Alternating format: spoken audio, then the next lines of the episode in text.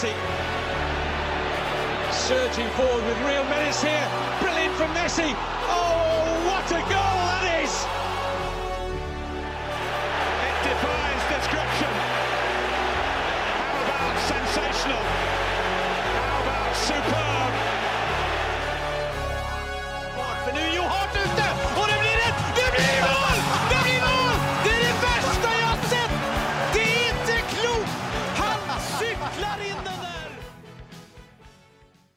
Ja da!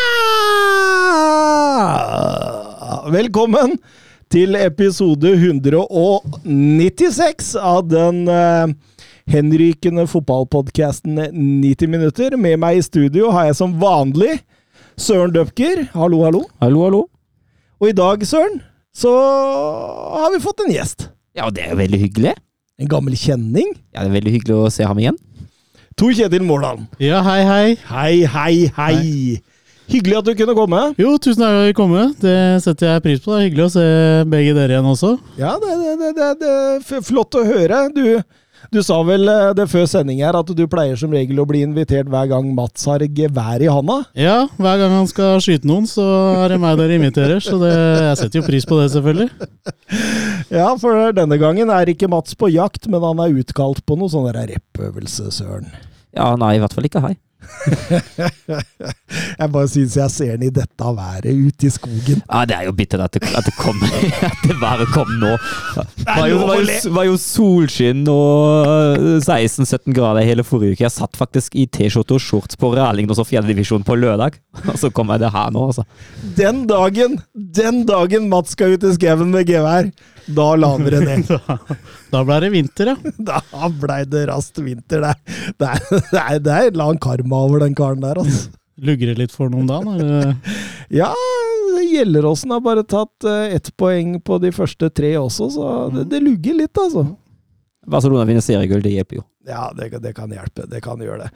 Um, siden sist, uh, Tor Kjetil, alt ved det faste vante. Alt er ved det faste vante, så, mm, så jeg har prøvd å se på fotball og hørt på det som er av podkaster og, og dere og sånn, så jeg, jeg har jo jeg har fulgt med litt. Altså, så jeg, alt, alt er bra med meg. Altså. Du er operativ, med andre ord. Jeg er operativ. Det, så, så operativ man kan være i hverdagen, med barn og sånn. Ja, det, det, det krever sin mann å følge med noen ganger. Det, det gjør det, altså. Det, er- jeg har jo tilbrakt hele dagen i dag med, med sykt barn, så, Ja. så, dere, så det skal bli godt med litt voksenkontakt nå, kjenner jeg. Ja, det er, det er deilig. Det er deilig. Eh, En god anbefaling er bare å ikke sove, egentlig. Da får du med deg mye fotball. Eh, vi, eh, vi er litt tilbake i en ordinær episode nå. Nå har vi hatt to episoder hvor vi har fokusert litt på Champions League-kvartfinalene, men nå, nå er vi tilbake, og, og, og lyttere vi vil kjenne igjen det gode gamle. Ja, det, det er jo litt hyggelig. altså Det var veldig hyggelig med Champions League, men øh, det, det er noe, noe eget over ligaene som spilles i helgene, altså. Jeg savner ligafotball og prate om det, sa, Ja. du, sa du sist. Så da er det vel bare å sette i gang. da. Det første vi kjører, er eh, Premier League.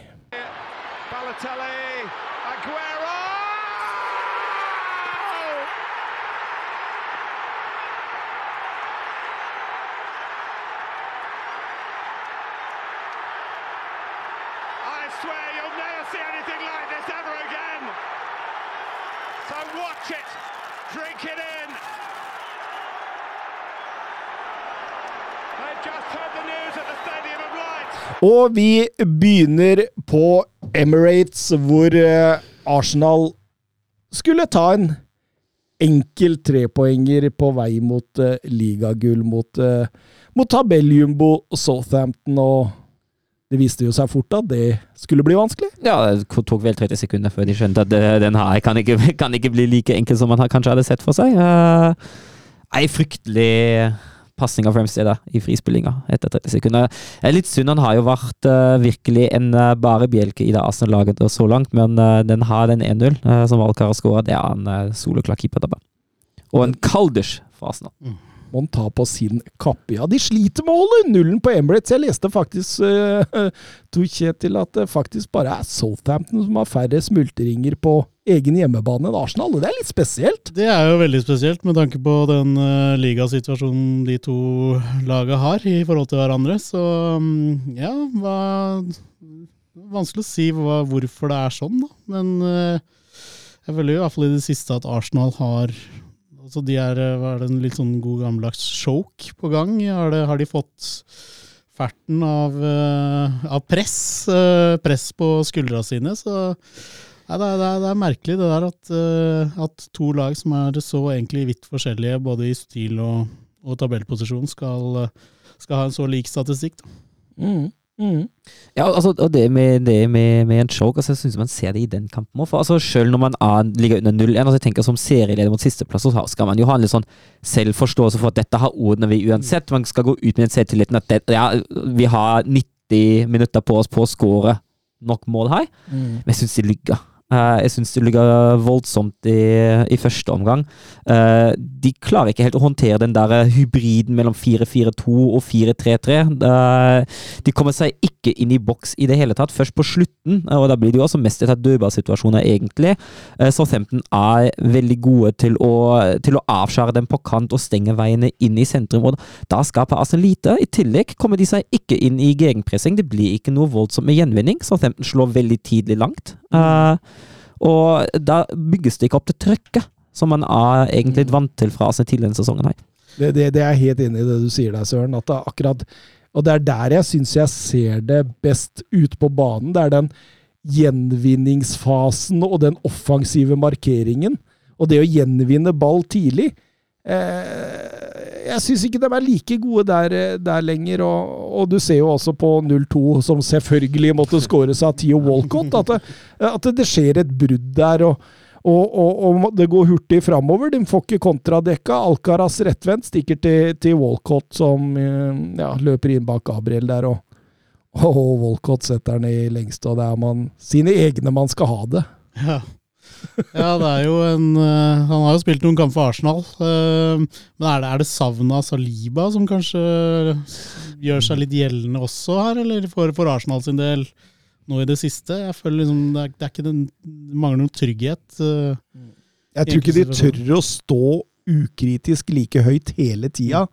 Og det kan også være med på at det enorme presset som de har skapt flere ganger, at det på en måte ikke ikke, At de ikke klarer å generalisere det, da, men, men men det er, nok, det er, nok, flere faktorer bak dette her. Vi, vi, var jo inne på dette med at det er en ung spillerstall. Det er, det er, det er ingen direkte sånn leder som har vært i en sånn gullfight før.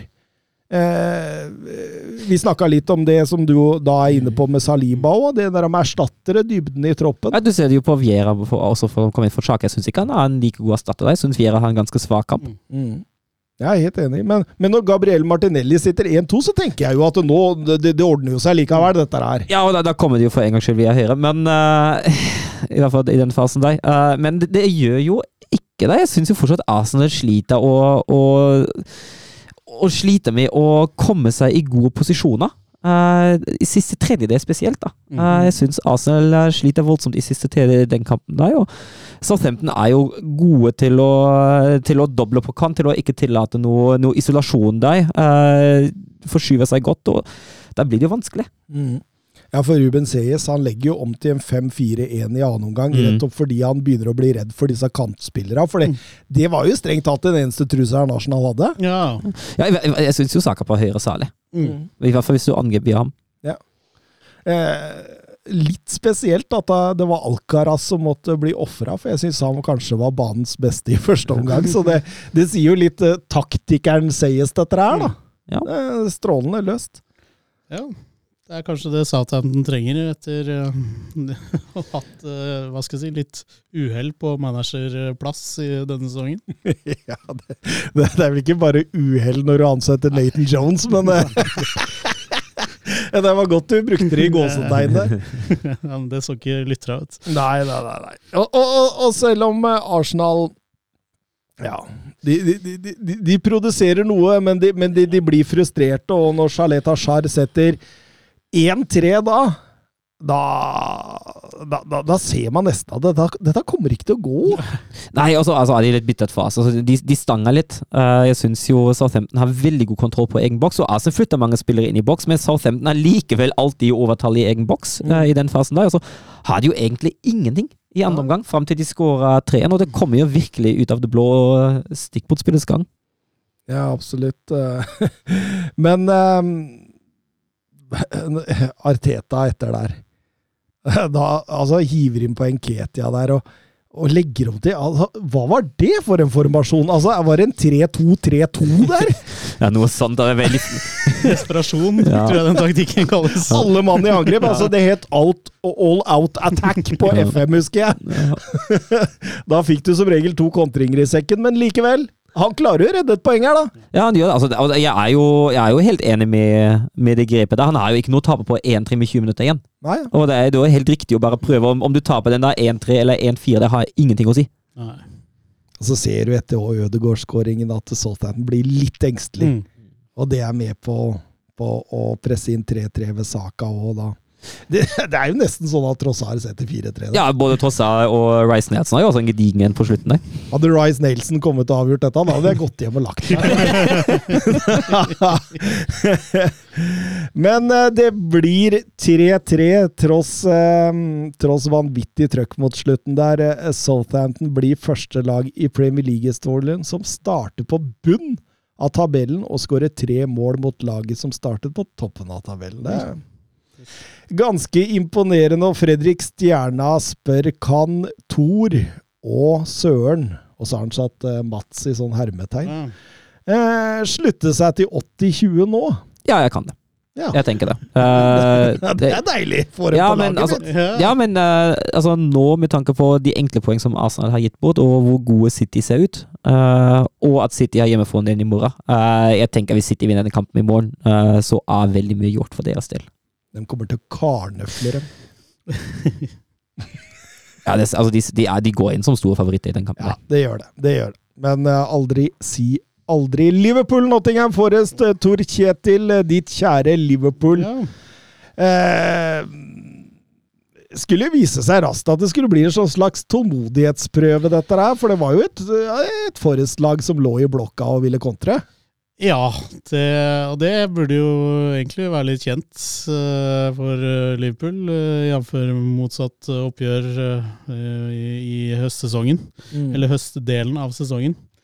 Men Liverpool sliter jo egentlig med ting de har slitt med i hele år. Det er jo å skape noe mot etablert. Det er liksom ikke noe det er ikke noen kreativ kraft eller kreativ vilje, eller hva det måtte være. Jeg veit ikke hva det skyldes. De, de mangler de, de, de, må mm. gjøre noe i sommer, da, for å si det sånn. Ja. Og så kom man jo heldigvis ut med tre poeng, da. Men um, ja, det er en sånn sesong hvor man ikke Du blir litt, litt glad, men du er sånn du bare gleder deg til noe over for, for vår del. Ja, kjenner meg igjen, kjenner meg igjen.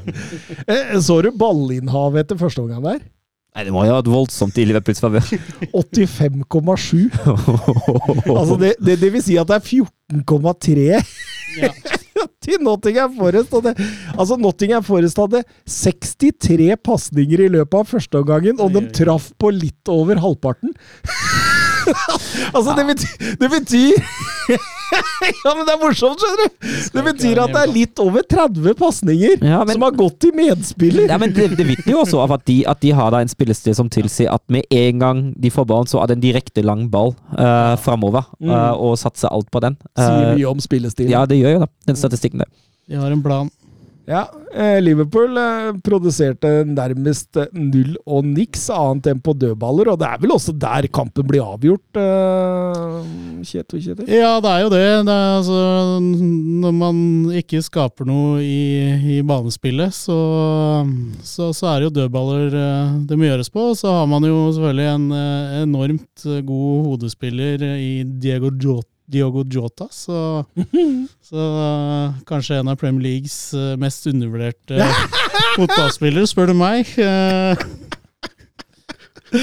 ja, du gjør det, ja! Nå er Thomas glad, tror jeg. jeg veit det var et spark til meg. Han setter i hvert fall to i denne kampen. da. Han gjør det. Han gjør det. Mhm.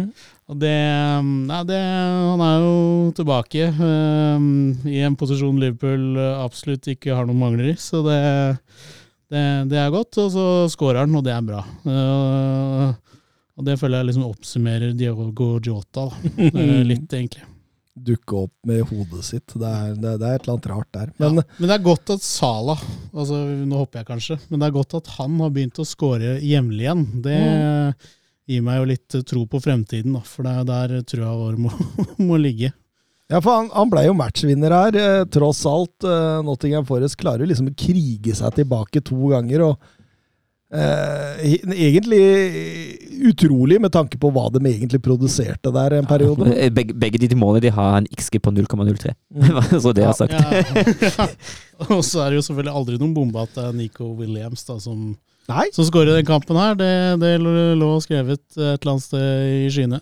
det var Walcott mot Arsenal, og det var Neko Williams mot uh, Selvfølgelig mangla bare Trippier på St. James Park, så hadde vi hatt en hat trick der. Men uh, Liverpool ja, De har flaks at, eh, at, at, at, at Forrest skulle forsvare seg på defensiv dødball som gutt 14 på rommet nå. Altså, fordi det, det, det, er nesten sjokkerende hva de driver med på defensiv dødball der. Men var, var det ikke sånn i den andre kampen mot Liverpool, og det omvendte oppgjøret? Så snakker vi ikke om at van Dijk burde ha skåret hat trick på dødball eller noe sånt? da? Jo, det var Uh, Liverpool burde definitivt satt uh, på dødball i den matchen òg. Så, så Nottingham Forest har uh, kanskje et problem da, på defensive dødballer. Det, Det, det kan tyde på det. det virker ikke si som det det sånn. er fokus på det treningsfeltet, da, for å si det sånn. Men tre poeng på en dårlig dag, det, det tar man imot, eller? Ja, altså hvis Liverpool hadde ligget og kjempa om noe som helst, så, så hadde man jo vært sjeleglad, men men nå er det jo nesten litt sånn at man håper jo Liverpool eh, ikke kommer seg til Europa og spiller Conference League for å få litt fri neste sesong, og heller kunne kjempe i ligaen. Så, så, så det, er, det er nesten litt der man er som Liverpool-supporter om dagen. Og så skjønner jeg at det høres ekstremt bortskjemt ut, da, men det har vi jo vært de siste sesongene. Absolutt. Det er godt å få dere litt ned på jorda. Ned på jorda, det skulle virkelig Tottenham-fans nå, fordi eh, de eh, stilte opp eh, i Newcastle på St. James' Park med Altså, Christian Sterlini, denne midlertidige manageren, han finner ut at eh, det, det, det har gått Det har ikke gått bra, men, men det har ikke gått skikkelig ræva hell hvis han bare fulgte oppskriften til Conte. Og så finner han plutselig ut, borte mot Newcastle, at det, al- Altså, han, han tenker sjøl, da! Og det, og det går gærent. Så til de grader. Så til de grader. Og jeg, jeg, jeg sa det før kampen òg.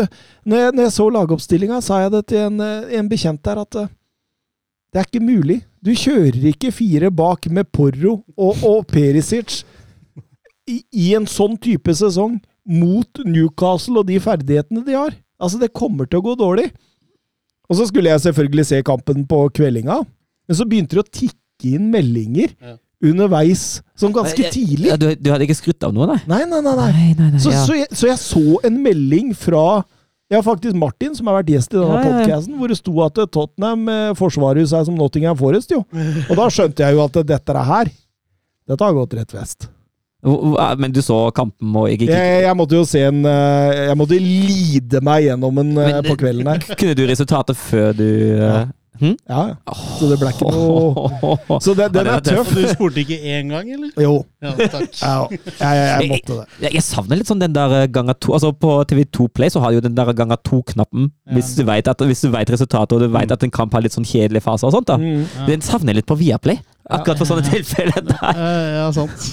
Ja, for det der, der var slitsomme greier. Altså, Det jeg, det jeg følte, altså De første 21 minuttene der hvor de går opp til 5-0, det føltes som et langt, langt maraton. Ja, det skjønner jeg. Altså Det er de lengste 21 minuttene i hele mitt liv. Og det, det var liksom på en måte en sånn ABC i hvordan man ikke skal forsvare seg. Altså, det, det var en ABC i en naivitet som jeg ikke har sett. Altså, jeg skrev det vel på Twitter at, uh, at det, det, det, er like naivt som å dra ned i Red Light District og, og tro at damene der faktisk har lyst på det. Altså, det er Ja, men det, det, det er jo det! Jo, jo, jeg skjønner absolutt hva du mener. Det, han, det, det er jo interessant å vite hva han har tenkt. Så, Jeg tror ikke han veit det sjøl. Jeg, jeg tror ikke han veit det sjøl. Altså, det, er- det, det er noe av det mest sjokkerende jeg noen gang har sett av en trener for mitt fotballag. Og vi har hatt mye dårlige fotballtrenere, altså! Altså, vi har, vi har hatt Christian Gross og vi har hatt uh, Team Sherwood, og, men, men, men dette her altså, Team Sherwood det virker jo som Pep Guardiola. Så, så handler det jo om at altså det, det siste man bør gjøre, er jo å, å i, en, I en fase der det går dårlig, eh, og du har Det som du kanskje har, da, av en form for noe trygghet bak. Ja. Og så gjør du noe med det! altså det, det er jo kanskje da du ikke skal gjøre noe. Altså det, det ene hadde vært om Tottenham hadde sluppet inn, uh, sluppet inn 13 mål de siste to kamper før, men ta, da tar en endring og tror kanskje at det går bedre med fire vaksiner. Det er det ene. Men det har ikke vært tilfellet. Det har kanskje vært, uh, vært forsvarsspillet som har vært det som har fungert best. Så fikk også Christian Stedili eh, enorm eh, kritikk rundt at han tok ut Sarr. Ja, og den tenkte jeg faktisk live. Uh, jeg tenkte det samme. Uh, at herregud, hvorfor tar du ut Sarr nå? Uh, at du tar ut yngstemann. Uh, den mest uerfarne på det laget der. Og jeg er helt enig med det Lars Tjerno sa, at du skaper egentlig en syndebukk. Kamp, kampen er tapt. Ja, det kan, altså, hvis, altså, Jeg skjønner at vi går tilbake til en femveksling. Det er jo full forståelse for, men jeg kan jo like, godt, like så godt ta ut Høibjerg. Altså. Han, Ja, ja. takler, han takler det. Ja, ja, ja. Og han var ikke god, han. Nei. kan ta ut hvem som helst, egentlig. Det er sjelden Murphy ser ut som eh, Lionel Messi, liksom. Det, Så det trynet på når 3-0 satt der òg, da. Han, eh, han skjønte ikke helt sjøl hva som skjedde, tror jeg. Eh, Harry Kane setter tidlig 5-1 der. Uh, da tror man i hvert fall at man skal i hvert fall Ja, kanskje i hvert fall uh, pynte litt på, men, men jeg syns jo det 6-1-målet de som forteller en god del om matchen, da, fordi Almiron skyter der i en ganske dårlig posisjon. Eh, og, så, og så går han innom Romero i blokk før han faller til Wilson, omringa av to Spurs-stoppere rundt seg, og bare setter 6-1. og det, det, sier veldig mye, og det, det, det forteller meg hvor elendig Tottenham var i denne kampen, også etter at man gikk over til en 5-3-2, selv om det var mye mer trygt, da. Ja, men så handler det om at Newcastle leder jo 5-0. Altså, de, Ja. de, de kjører jo ikke nødvendigvis 100 ut den kampen, nei. Det er bare Liverpool som gjør sånn mot Manchester United.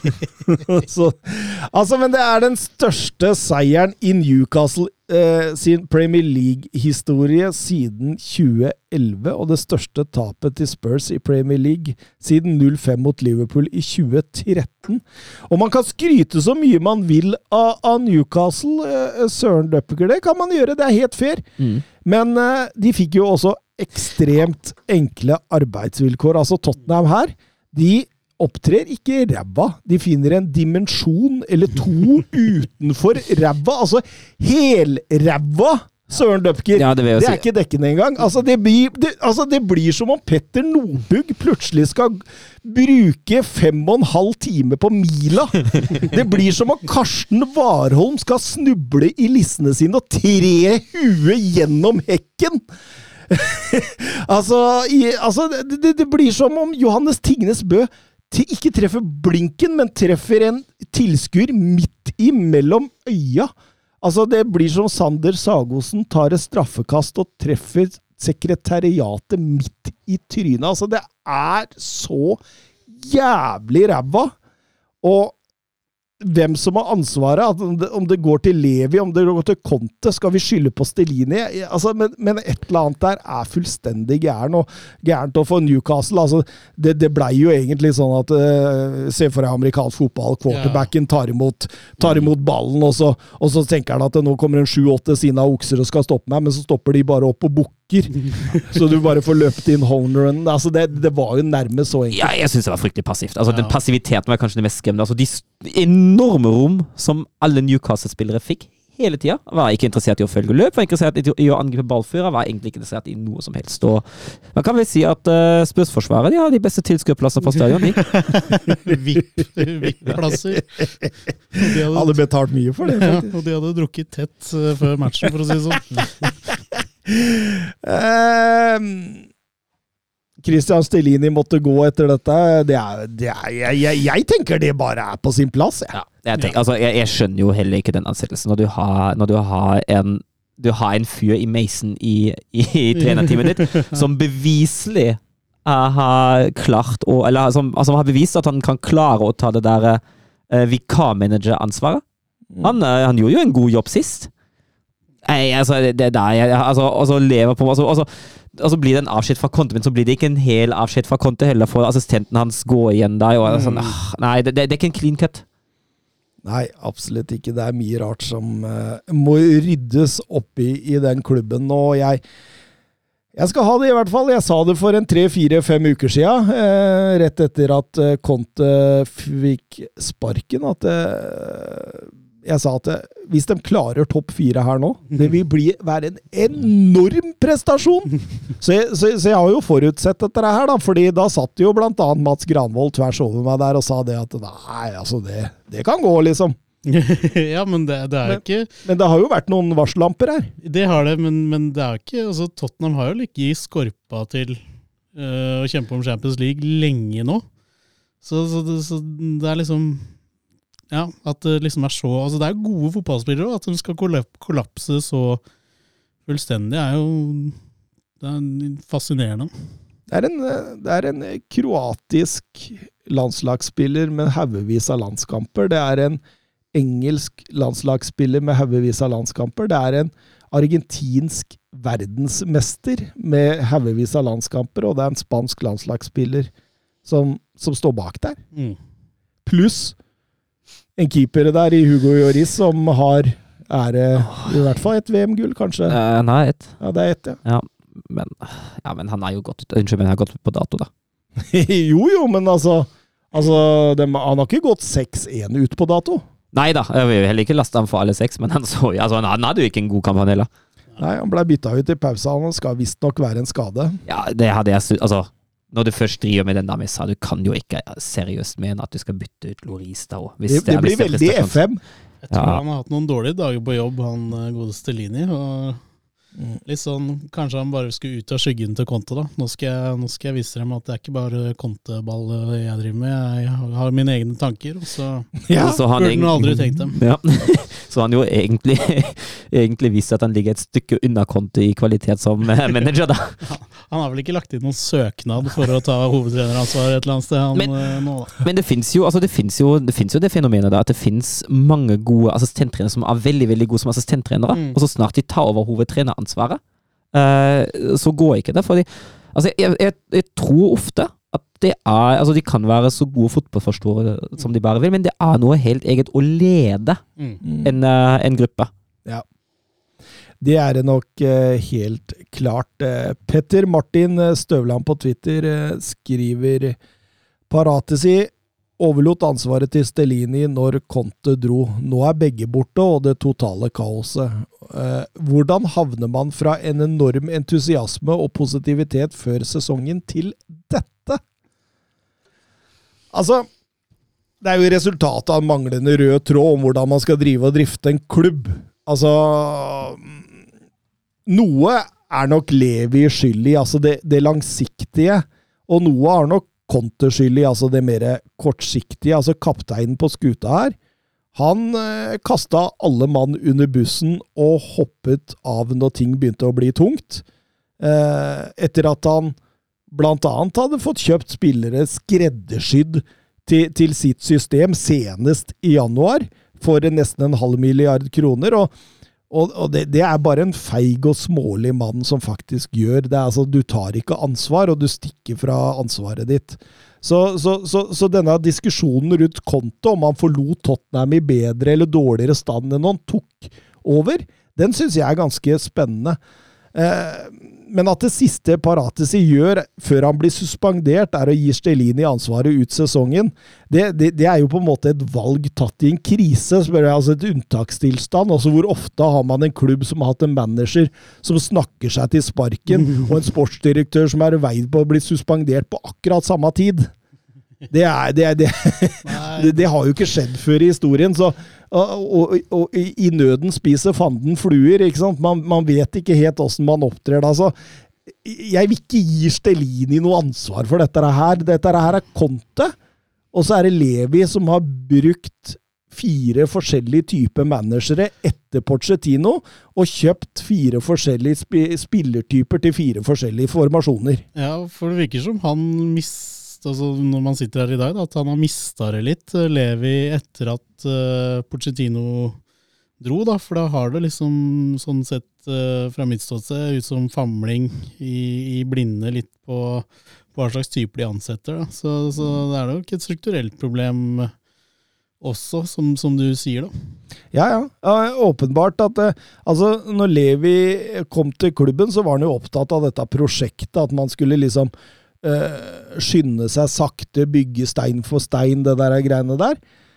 Uh, mens ansettelsen av f.eks. Mourinho og Conte er jo ansettelser hvor man liksom på en måte Nå skal man vinne gull om to år. Mm, ja, Man hadde ikke ansatt lagbyggere da, på en, måte, på en, nei, nei. På en lik, måte som Pochettino. Og så har du latt disse få lov å kjøpe spillere eh, til sine system.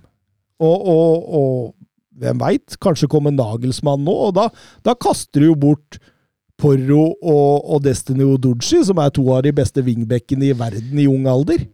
Så det er jo Man setter jo seg i en skikkelig ja. ja, jeg veit ikke. Altså, ja. Nei, nei, du, jeg, skulle, jeg, jeg, hører på deg, jeg.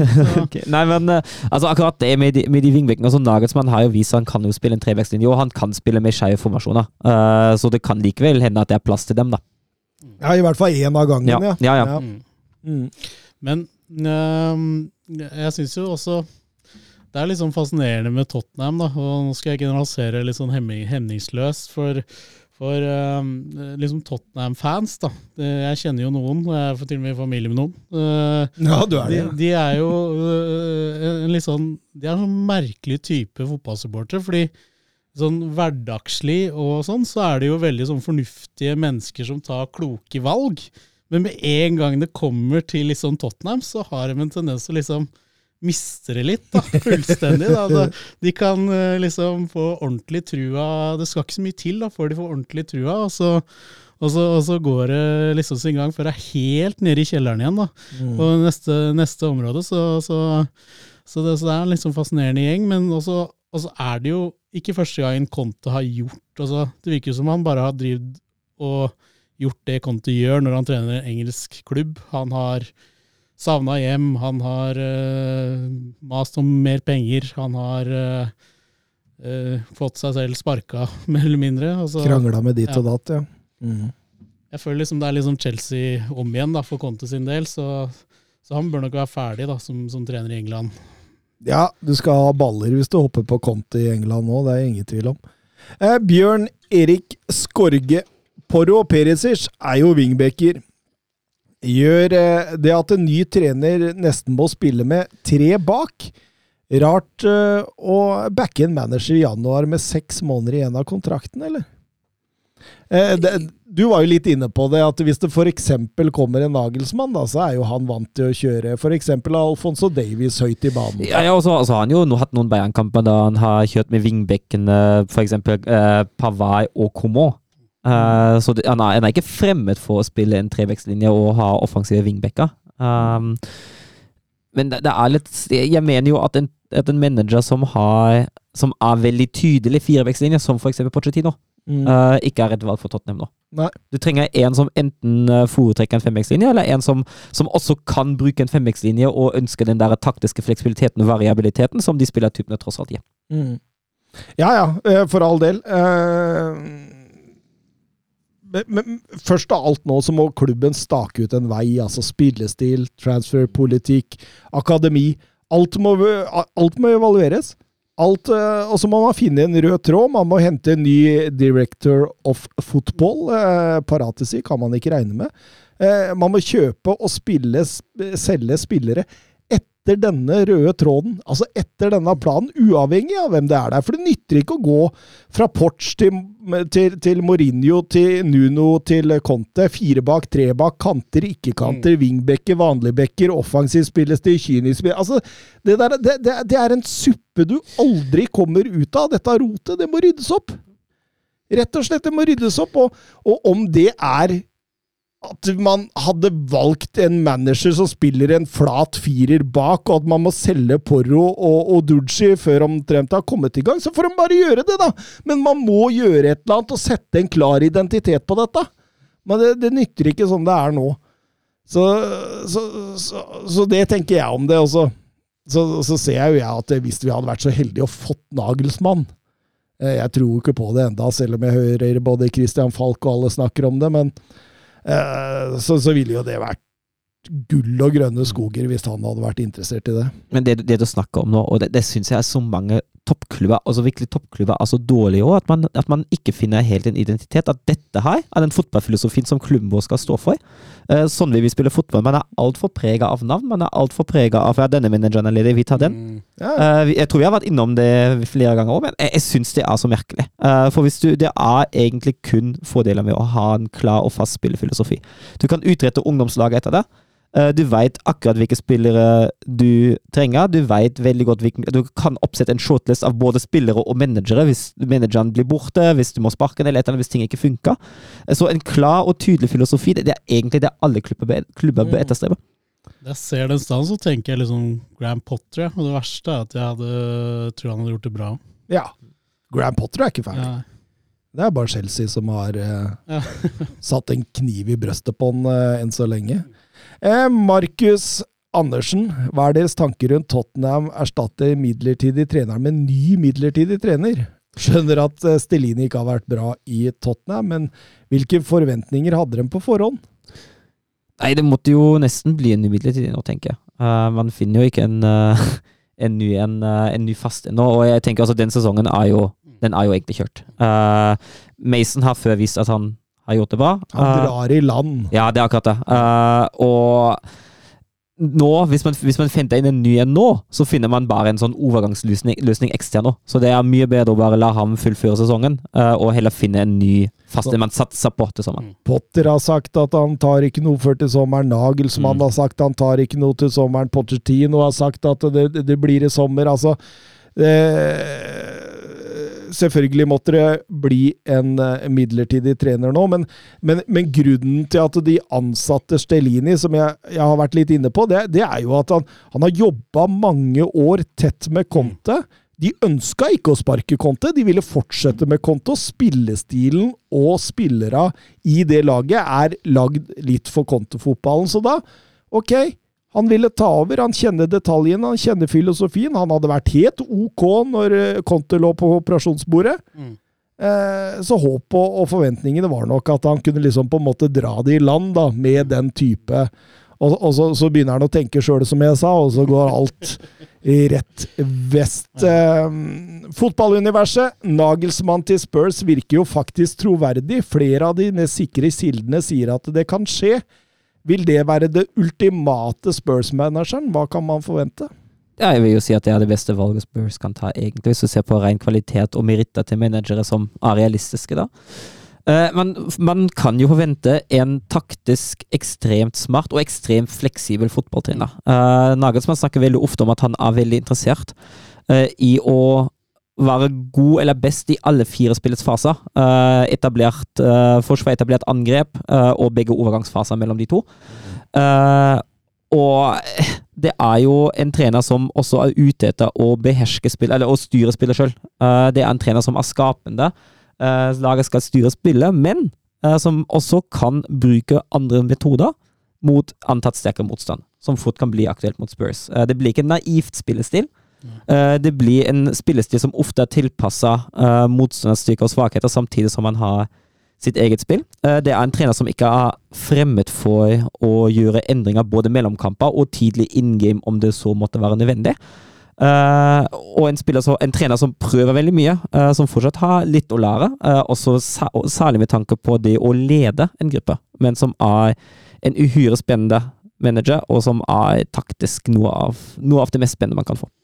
Og en manager som jeg veit Harry Kane setter veldig høyt. Han har skrytt i han offentlig før. Og, og, og, det, det, det, og en Nagelsmann-ansettelse nå, med, med full lovnader om økonomisk støtte, om eh, nå skal vi kjøre eh, Jeg er ganske sikker på at det beholder Kane. Ja, altså, altså er jo Nagelsmann altså, Han er jo også god på å bygge lag, føler jeg. da. Mm. Eh, så det, det er jo en manager som virkelig kan utvikle noe, da. Mm. Så fortjener um, litt jf. det jeg sa jeg sa om Tottenham-fansen, som er, kan gå veldig høyt og lavt. Så de aller fleste kjenner også, er jo De begynte jo ikke her på Tottenham fordi det, på 90-tallet fordi det var så ekstremt uh, gode resultater, og de vant mye. De er veldig opptatt av uh, hvordan de spiller, og jeg syns jo de fortjener nå å få en manager som, som spiller litt den fotballen uh, den litt sånn Tottenham-fotballen. Mm. Veldig, veldig godt poeng. Finn Jørgen Halvorsen, eh, hva med Eddie Howe og Newcastle, som gjør det så steike bra? og Det er et viktig element i dette òg, å skryte av Newcastle. Eh, hva, hva er det de gjør? Altså, det er jo ekstremt mange årsaker her. altså det med at klubben hadde den forsiktige tilnærmingen til å bli styrtrik over natta, tror jeg er en av suksessfaktorene, for det har gitt arbeidsro til både manager og spillere. Det er ingen der som har tenkt 'oi, nå mister vi jobben', eller 'nå blir jeg sendt til Wrexham', eller et eller annet sånt. Alle har følt at eh, dette er fortsatt klubben min, jeg har en sjanse til å bli med på dette eventyret. Det tror jeg er en, en av suksessfaktorene. Det også, ja, De har bygd stein for stein, og så har jo har, var jo, er jo en dyktig trener. Han har vist det før med, med, med Bournemouth, så, så, så de har en dyktig trener der. Og så styrka de seg vel der de trengte raskt. Bygde litt videre på det, og så har samtidig spillere som Almiron steppa opp eh, et, et par hakk. da, så, så jeg tror jo liksom suksessen ligger mye i det du sier med at det er stein for stein, og det er dyktige folk i riktige posisjoner. da. Mm. Eddie Howe som har egentlig organisert dette laget bakfra, og så tar du stein for stein framover. Og, og, og øh, Tor Kjetil er inne på det, spillerrekrutteringa har vært strålende. altså Båtmann, Gimares, Isak, Trippier Alle har styrka laget eh, i vesentlig grad. og så så, så har man jo dette gjennom å, å, lykkes tidlig, da. Se raske resultater som skaper en selvtillit og en trygghet. Altså selv eh, Longstaff ser jo ut som Kaka iblant, og det, det, det, det, gir jo en selvtillit og ro over det. Og så, og så er det jo klart den atmosfæren ja. på St. James' Park de har klart å bygge opp nå. Den er ganske enestående, tror jeg. Ja, det, det må nok være en av de vanskeligere bort kampene du har, hvis du tenker at supporterne bidrar uh, med å skape energi i eget lag. Mm. Helt, helt, klart. Det var en amputert runde i Premier League pga. at det ble spiltes noe FA-cup. Det blei finale mellom Manchester United og Manchester City. Kunne vel kanskje ikke drømt om en bedre finale for objektive seere, og Ole Haaland skriver Manchester Derby, FA-cupfinalen. Hva tenkes? Det er vel første gangen de møtes i FA-cupen, skjønner jeg. Uh, I FA-cupfinalen, i hvert fall. Ja, ja. Uh, så uh, Jeg tror jo det er Jeg, jeg liker det, da. Liksom, jeg føler FA-cupen har liksom mista litt status på veien. At, at man får et storoppgjør i FA-cupfinalen, det, det, det, bringer fram litt nostalgi i meg. Da, at den finalen plutselig betyr noe, selv om det ikke nødvendigvis har noen følelse for et av laga. Det er lenge siden jeg har gleda meg så mye til en FA-cupfinale, faktisk. Ja, Det er jo en toppkamp. Mm. Så tror jeg han blir jevnere mm. enn mange tror, fordi dette blir en vanlig dag på jobben for Manchester City, mens jeg tror det mobiliseres noe voldsomt i den røde delen av Manchester til den kampen der. Ja, tenk om de skulle få beg vinne begge cuper denne sesongen. Har vært en, eh, og i tillegg bli topp fire. Det har vært en nesten perfekt start for Erik Den her. Altså. Jeg har null statistisk grunnlag for å si det jeg sier nå, men jeg har på følelse at sånne liksom storlag som har mange gode sesonger på rad, de starter med å gjøre det bra i de cupene. Jeg veit ikke om, noe, om, det er noe hold i meg, jeg har bare en sånn følelse at de begynner der, da, så kanskje United har noe stort på gang. Ja, City vant jo i stort sett alt det var av, av ligacup en periode, blant annet. ja. Um, Tønna på Twitter med navn eh, Philip Ringstad. um, bryt ned hvordan man skal klare å slå City for tiden. Det virker jo som en umulig oppgave. Jeg føler at det er en lang liste som må passe sammen der, for at det skal lykkes. Eh, jeg, jeg har gjort meg noen tanker, da. Er Litt sånn preget av den Bayern-kampen som vi så, fordi Bayern var jo tross alt ikke så langt unna. Eh, jeg tenker altså, hvis, Når det gjelder det offensive eh, det, de, det området der du har størst sjanse for å lykkes med framover, er å bruke fart på kant. Eh, jeg føler kanskje at det er der du må komme. Eh, komme deg inn bak førstepress litt, og så utfordre bekkene på fart. Bekkene er jo tross alt stoppere. Eh, da er det mulig å hente noe hvis du har litt kjappe vinger. Så må du selvfølgelig være årvåken og ha god presens i boks òg. Du må jo komme deg inn i boksen. Eh, Du må være effektiv, for mange sjanser får du ikke, lik- eh, får du ikke mot dem uansett. Um, men enda viktigere enn det offensive er jo kanskje det defensive, da. Eh, og da tenker jeg at stenge av sentrum. Uh, prøve å stenge av veien inn i Rodri og Stones Uh, tidlig. Ikke nødvendigvis presse høyt, men låse av, stenge den pasningsveien, stå smalt på topp. Eh, og være ekstremt aggressivt eh, mot ballfyrer så snart City kommer i, eh, i egen banehalvdel, altså. Mm, mm. Det er eh, mange veier til Rom. Eh, hadde man funnet en sånn ABC på hvordan man skal slå Mm. Manchester City, så, så, så eh, Da hadde du ikke sittet i podkaststudio her, for å Nei. si det sånn. Nei, men, men, men, men samtidig jeg, eh, historie, altså Jeg gikk tilbake jeg da, og så kikka jeg når det, det, det spørsmålet kom, for det er litt morsomt. Hvem er det Manchester City har slitt mest med i nyere tid? Jo, det er faktisk Tottenham, det. Yeah.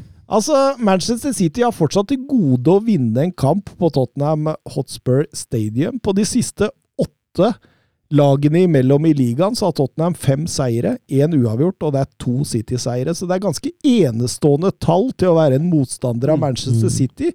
Og i brorparten av disse kampene så har Tottenham ligget med lav blokk, tvunget City godt ut på kantene. De har stengt av korridorene utafor 16-meteren, gjerne med en sånn treerblokk som har bare stått og skjerma sentrum. Og så har de tatt overgangene. De har spilt seg raskt Altså, de har spilt seg kort ut av små rom, og raskt ut av lengre rom. Mm. Ut på kant, opp på en kontringsspiller, og så får man masse bevegelser rundt der. Ehm, de har også tapt kamper mot lag som plutselig sjokkerer dem å stå høyt. Altså, ka- Husker Norwich den gangen?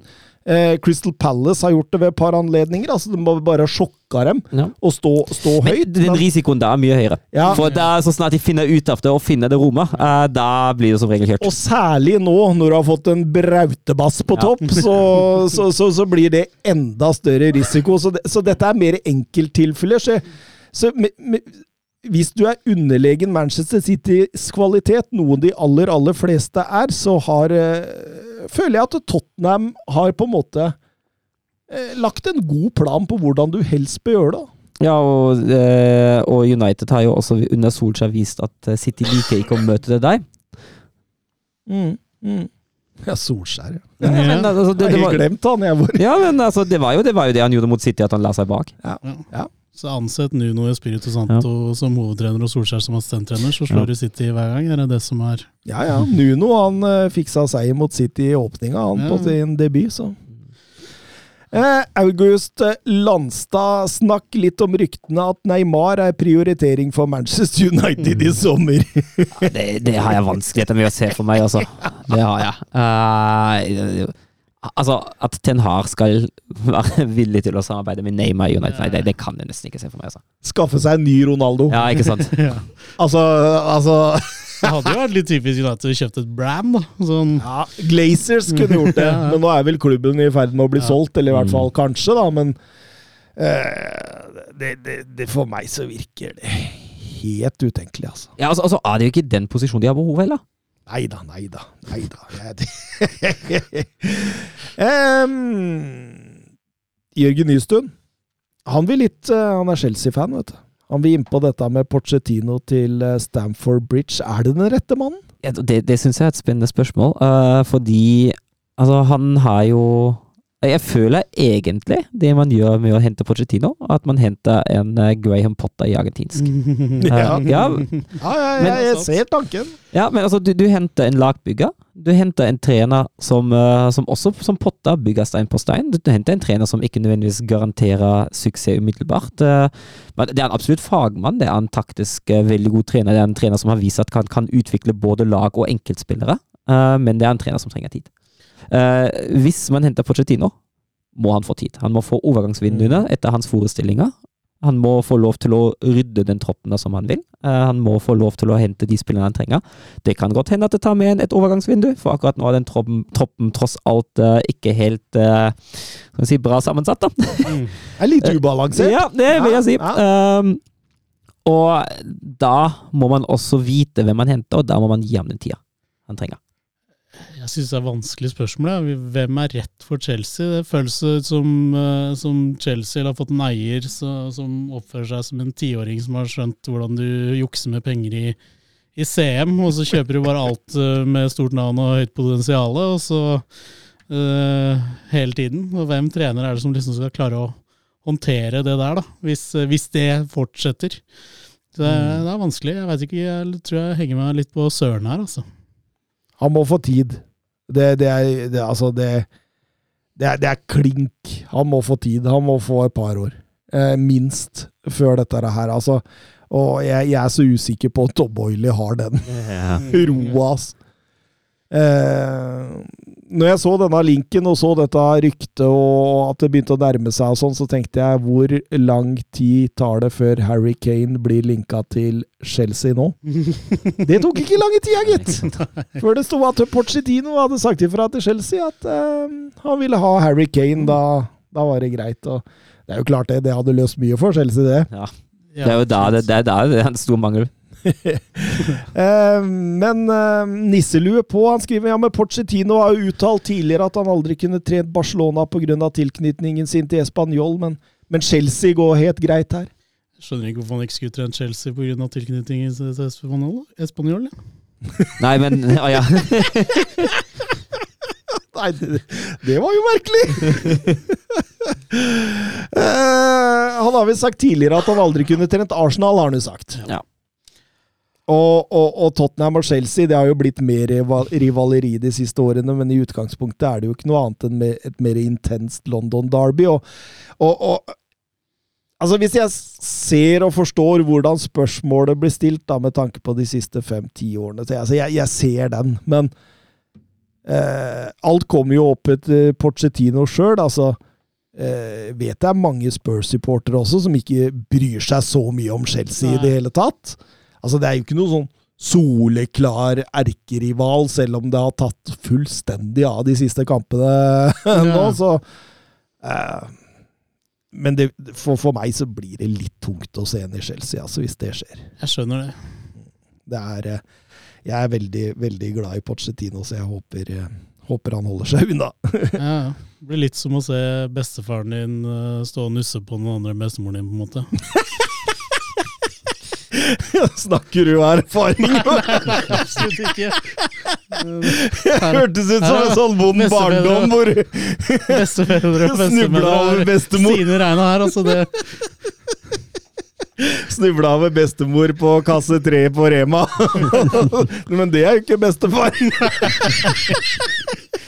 Eh, Jørn Henland, ser se bort fra historie og eventuelle følelser. Hvem håper dere rykker ned fra Premier League? Er personlig lei Southampton Everton. Eh, og ja, det var gøy med Leeds, men nå sier vi ha det, sier han. ok. Eh, men hvis vi skal se bort fra historie og så følelser, må vi jo se på de tre lagene som spiller kjipest fotball, da, eller? Ja, og, altså, eller generelt klubbdrift. Og der syns jeg han leverer en sterk søknad med Everton. For Evertons klubbdrift de siste åra, det har det vært mye rart, altså.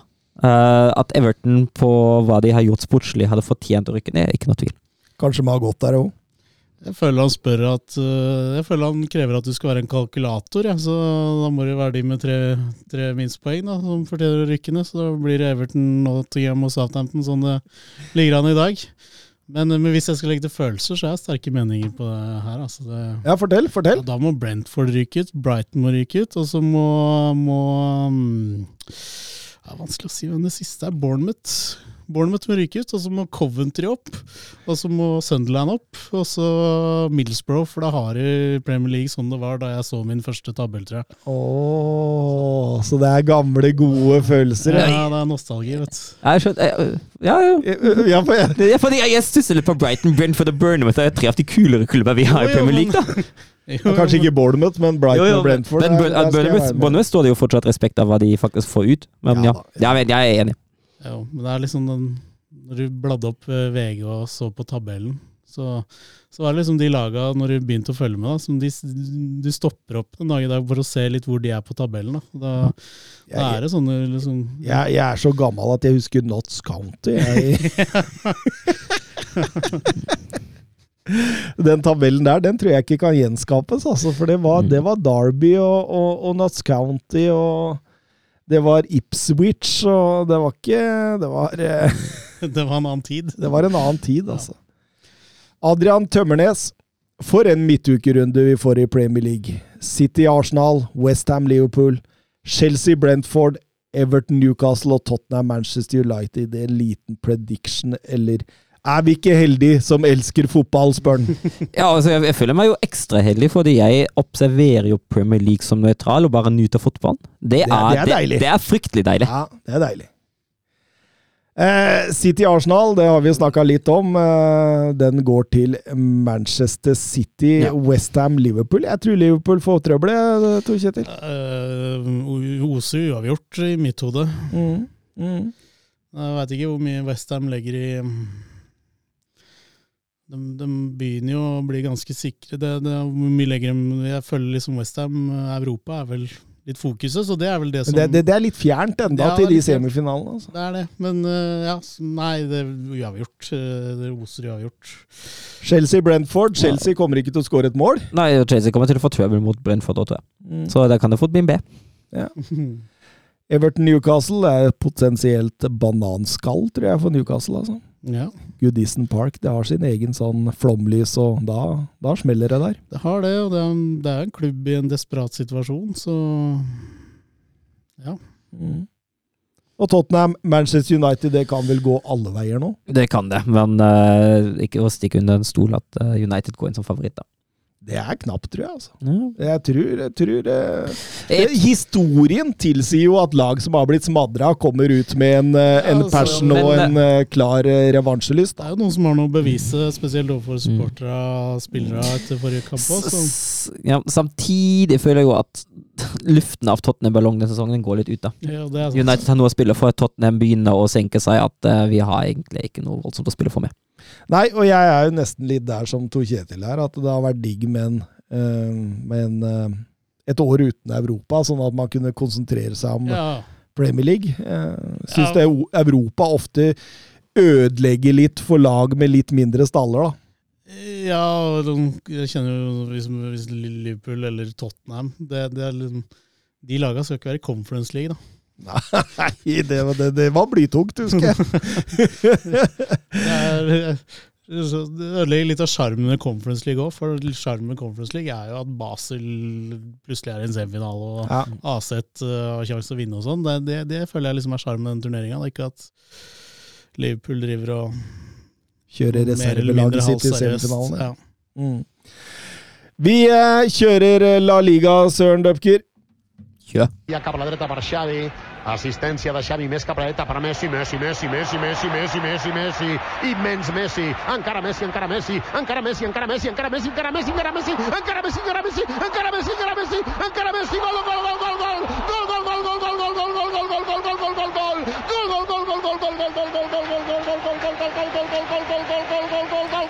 Vi eh, kjører Real Madrid mot eh, Celta Vigo. Real Madrid som hadde gjort jobben mot Chelsea i Champions League og kjørte fem bytter. Altså, Angelotti bruker stallen her. Ja, og det var nok uh, lurt å hvile Cavajal, Modric, uh, Kroos, Rodrigo. Uh, Alaba er jo ute i den kampen der. Uh, og så blir det jo det blir en seig fotballkamp til deg. Eh, Litt sånn kosetempo. Ja, det blir jo det. Og Celta Vigo legger seg jo De utvider jo den der uh, firebackslinja si med én mann. Uh, ligger bredt i en ofte 5-3-2 uh, når de ligger dypt i banen. Det tillater dem å stå veldig trangt og tett på Venicius. Real får egentlig ikke noe rom der heller. Eh, og da blir det litt sånn de, spiller, de etablerer seg rundt boksen, de klarer å gjenvinne ganske tidlig. Selda kommer seg etter hvert uh, ikke ut av egen halvdel noe særlig, og til tider ikke egen tredjedel heller. Uh, men siste tredjedel, og boks, boksen spesielt, så kommer de seg ikke inn. Så det blir jo litt sånn langskudd fra sånn 18-20 meter. Det er litt sånn det Real har. Det endrer seg jo første gang Venitius faktisk får rom og får de meterne han trenger. Det er da det står 1-0. Ja. Det kommer han seg løs på venstrekanten. 45 ut i Ascencio, som limer han opp i hjørnet. Ti målpoeng i 2023. Sju mål og tre assist. Det er mer enn noen annen, og med tanke på den spilletida Ascencio har fått, så er jo det voldsomt imponerende. da. Ja, det er jo det. Altså, han skårer jo stort sett veldig fine mål. Altså, den her var jo kanskje en av de enklere han har skåret. Han har et sånt tilslag som Dominic Soboslai. Mm. Ja, det er sånn deilig tilslag. En rapp. Ja, ja. Litt sånn der, og, og ballen går så knallhardt. Mm. Vi har lekt litt more knallhardt før i denne podkasten, men det er, der er knallhardt, altså.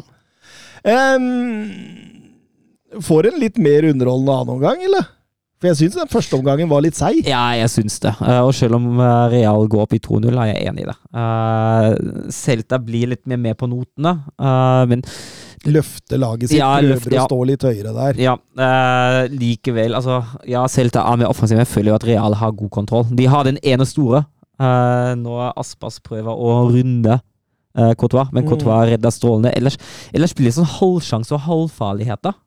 Uh, og Real rir det egentlig greit i land, men ja, det er en uh, mer underholdende andre omgang. Det skyldes jo også at Celta Vigo plutselig gir mer rom til uh, Real-overganger. Jakob Hoff spør snakker vi om Eduardo Camavinga som verdens beste venstreback om et par år, eh, Tor Kjetil?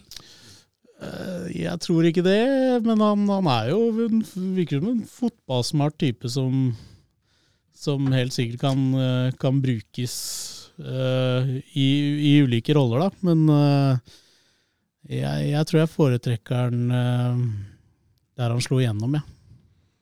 Vil være synd å bruke de enorme kvalitetene på en venstreback, Døpker. Ja, jeg er helt enig. Det er jo en sentral midtbanespiller. Mm. Han har jo alt, egentlig, så det, det, det, han, kommer til å bli vilt god eh, med tid og stunder. Eh, grei 2-0-seier til Real Madrid. Eh, det var også storkamp i La Liga denne runden. Barcelona mot Atletico Madrid. Eh, Søren, eh, du fikk med deg den? Ja, jeg fikk med meg den. Jeg kunne jo ha brukt tida på noe annet, men jeg fikk med meg, fikk med meg den. Fordi man har jo noen forventninger når man går inn i den kampen der. Eh, eller når man begynner å se på den kampen der. Som er forventninger om hvordan kampbildet skal bli. 0-0, tenkte jeg. Det, det tenker jeg òg! Og denne kampen her, altså det ble ikke 0-0, men kampbildet ble akkurat som forventa på forhånd. Det, det var nesten blå kopi av det man hadde i hodet av det. Uh, Atletico ligger ekstremt dypt uh, og tett i en uh, hybrid mellom 5-3-2 og 5-4-1. Mm. Uh, stenger av alle rom, overlater veldig mye av ballen til Barcelona, eh, som ikke helt veit hva de skal gjøre med det. Eh, driver og spiller seg rundt, men kommer seg egentlig ikke til noen særlig større farligheter. Eh, så prøver Atletico å kjøre kontringer, og ja, du har det tverrliggertreffet til Grismann i, eh, i første minutter fra 18 meter, men det har jo Barcelona god kontroll på, for de er jo et eh, godt defensivt lag som er gode i kontradekning og har et eh, enormt midtforsvar. Så det, det skjer jo voldsomt lite. Mm. Det Ingen tvil om det. Det eneste jeg kan sitte og nyte der, det er Antoine Griezmann. Han er i, altså, alt han gjør nå, er klasse, altså. Han er i en enorm form. Ja. Altså, mot ballen, fra ballen, feilvendt, rettvendt, eh, komme på løp, skudd, pasninger, gjennombrudd. Altså, altså det, det er jo nesten sånn at Diego Simione kan jo gå til denne kampen med god samvittighet om å spille sånn fotball, for du skjønner det at Antoine Griezmann kommer til å skaffe deg de sjansene uansett. Så god er han nå. Eh, for jeg syns jo det, det, dette er en kamp hvor Diego Simione virker å være svært komfortabel i, før, før denne 1-0-skåringen kommer eh, rett eh, før pause. Og det Ja, ja det, det, der glipper det litt. Ja, der glipper det. Uh, kommer de seg for en gangs skyld inn i mellomrommet og får avslutta rettvendt, og da, da, blir det en uh, scoring. Mm. Altså, så syns jeg jo at det blir jo Det blir jo litt mer underholdende etter pausen. Det har litt mer tendenser til, til bulging. De må litt høyere ja. opp, og da Yes. Da, da, da, det kommer noen Gavi har vel en svær der. De har vel en dobbeltsjanse. Rodrigo de Paul kunne vel satt en kasse eller to der også, men, men Ronald Arajo ja, han er For en kjempe han er, altså. Det er nye van Dijk, eller altså den, den stopperen som liksom på en måte er verdensener med god margin? Ja, det er van Dijk er i hvert fall ikke van Dijk lenger, holdt jeg på å si. Så, men ja, han er, en forsvarsspiller det er morsomt å se på. Uh, det er ikke så ofte man, man ser, da. Men han er jo et beist. Han, uh, han er fysisk monster. Uh, spensten hans, til og med, er jo liksom mm. Så jeg skjønner ikke hvordan en så svær mann klarer å forflytte seg på den måten han gjør, men Jeg husker han kom opp i A-troppen sammen med Minguesa. Og jeg husker vi diskuterte i denne podkasten her at eh, Arajo, der har Barcelona noe. Minguesa, han kommer ikke til å slå igjennom. Ja. Eh, det ser ut som vi fikk ganske rett, døkkeren, Ja, det ser ut som vi traff deg. Ja. Eh, men Barcelona drar det i land, vinner 1-0. Barcelonas tiende 1-0-seier i La Liga denne sesongen. Det er bare tre lag i La Liga-historien som har vunnet 1-0 flere ganger i løpet av en hel sesong. Og det er Sevilla i 2021, Atletico Madrid i 1718 og Valencia i 88-89. Og alle disse utgavene er jo utgaver av lag som var kjent for å være defensivt mhm. orienterte fotballag. Så, um, så det er litt uh, moro at Barcelona henger seg med der. Ellers så fortsetter jo historien til Diego Simione. Han skal virkelig ikke vinne på Spotify-kamp nå i det hele tatt. Uh, ikke like morsomt å si Spotify-kamp nå uten Mats, men Det var hans 15. forsøk i, i, i, alle turneringer, uten at han har gått seirende av den banen. Så det, det vil seg ikke. Bjørn Erik Skorge. Tenk om noen år så sier vi at Savi Ball eh, var som defensiv fotball. Slår jo både Mourinho og Simione på sitt verste. ja, det, det, kan du si. Altså, det er i hvert fall altså ja, de har jo god kontroll, og ja, det, han er sikkert kjempefornøyd med kampen, men for oss som ser på, med oss, vi har jo vært inne på det før, med oss som forbinder Barcelona med noe helt annet, så er dette her fryktelig kjedelig. Jeg husker vi, vi, vi, vi eh, i, i, Dette er vel et par år siden, eller halvannet år siden, eller sånn, når vi satt her og sa at La Liga har blitt den nye Serie A. Altså ja. den mm. kyniske type fotballen. Altså, mm. altså Atletico Madrid, Real Sociedad, eh, Atletic Club det Sevilla. Mange, Sevilla ja. Det var mange ja. lag som sto for en defensiv. Og så ja, takk Gud for at vi har Real Madrid og Barcelona. ja. Takk Gud for at vi har Real Madrid! det er akkurat nå, ja. Faktisk. Men det er ganske vilt. altså Tiende 1-0-seieren eh, i La Liga. Så de har sluppet inn ni mål i løpet av sesongen. Ja, det, er helt, det, er helt, enormt. og det er altså Både forsvar og keeperen bak andre testegen har jo vært uh, enorme sesonger. Da. Ja, for jeg, jeg, tror ikke Savi ønsker å være så defensiv. altså Eh, jeg tror ikke målet hans med fotballen i Barcelona er å ta så mye hensyn. Jeg tror Altså eh, Så intensjonen tviler jeg på er som Mourinho og, Simione, men, men, slik det er nå, så, så, så, så ser det sånn ut, og så, og så, får man bare følge med på utviklinga, tenker jeg. Mm. Ja, det, mm, Barcelona blir jo særdeles spennende å følge framover, da, og hva som skjer der i sommer, og hva de kan skaffe seg og sånn. Det, det viser jo kanskje at Shawi er en pragmatisk og god uh, trener, da, som klarer å tilpasse seg mm. det han har. Så fikk de også grønt lys i dag på nye prosjektet sitt med å oppruste Camp Nou og treningsanlegg og, og området rundt til 17 milliarder euro. Som skal selge noen sånne TV-studioer og sånn. Ja, men, men, samtidig, altså dette er jo faktisk en investisjon i infrastruktur. Det er en mye bedre investisjon enn å, enn å ja. bruke masse penger på en 34 år gammel spiss. Og det var 20 tunge investorer som var inne Ja. der, så Og det um, trengs vel uh, Mm. Så jeg har ikke vært på, på Camp Nou, men, men den begynner jo å bli gammel og forfallen, har jeg hørt. Så, så det, det er vel et sterkt behov også mm. klubben har, og det kan jo generere sårt trengte midler eh, i fremtiden. Jeg husker jeg tenkte det, ja, når jeg var der sist, at det, det, det er ikke det nyeste, nei. Eivind Stølen, snakk litt om Lewandowskis form har vært nedadgående etter VM. Blir han ikke spilt god lenger, eller er det han selv som må ta mesteparten av skylden? Hvis vi da ser bort fra årets miss mot eh, Atletico har flere gode involveringer, men målene uteblir. Ja, altså, men jeg føler jo altså i den kampen her, spesielt mot Atletico, uh, så havner jo Lewandowski betraktelig oftere uh, feilvendt i mellomrom enn rettvendt i boksen. Mm. Uh, og da er det klart, da blir det ikke mange målsjanser. Uh, Mm. Han har jo altså Hvis vi ser altså på, på XG-tallene hans eh, etter VM, så er det ikke mange kamper da han har hatt eh, Da han har fått en XG over 0,5, altså. Eh, og jeg mener jo at det skyldes i aller stor grad hvordan Barcelona spilles. Altså ja, en spiller må alltid ta litt ansvar sjøl for egen form, for all del. Og den missen han nevner, er jo altså Da burde bare lagt den på tvers. Uh, eller runda keeper, eller hva som helst. Bare ikke det han gjorde. Uh, men altså, jeg tror f.eks. ikke at en Erling Braut Haaland hadde trivdes veldig godt i den spillestilen som Barcelona hadde nå. Det er kanskje en Harry Kane eller en Karen Karim Benzema som hadde passa bedre. Men sånne boksspillere som Lewandowski tross alt er, han trenger å mates litt, da. Mm. Og han, jeg syns ikke han gjør det dårlig feil, men han skaper seg jo en, eh, en brukbar mulighet sjøl òg. men det er klart at målsnittet og målutbyttet, det lider av at han ikke får de assistene han, han trenger. Så er det kanskje noe å si med forventningene òg, da. Hvis du forventer Lewandowski Bayern-tall, som var liksom enorme, eh, og rollen var annerledes. eh, eh, og mannen begynner jo å bli noen år også, så mm, Og så jeg, jeg vet ikke, han eh, har, Hvor mange assist har han i år? Seks? Ja, det er vel 6 på 26 La Liga-kamper, ja. Ja. 17 mål.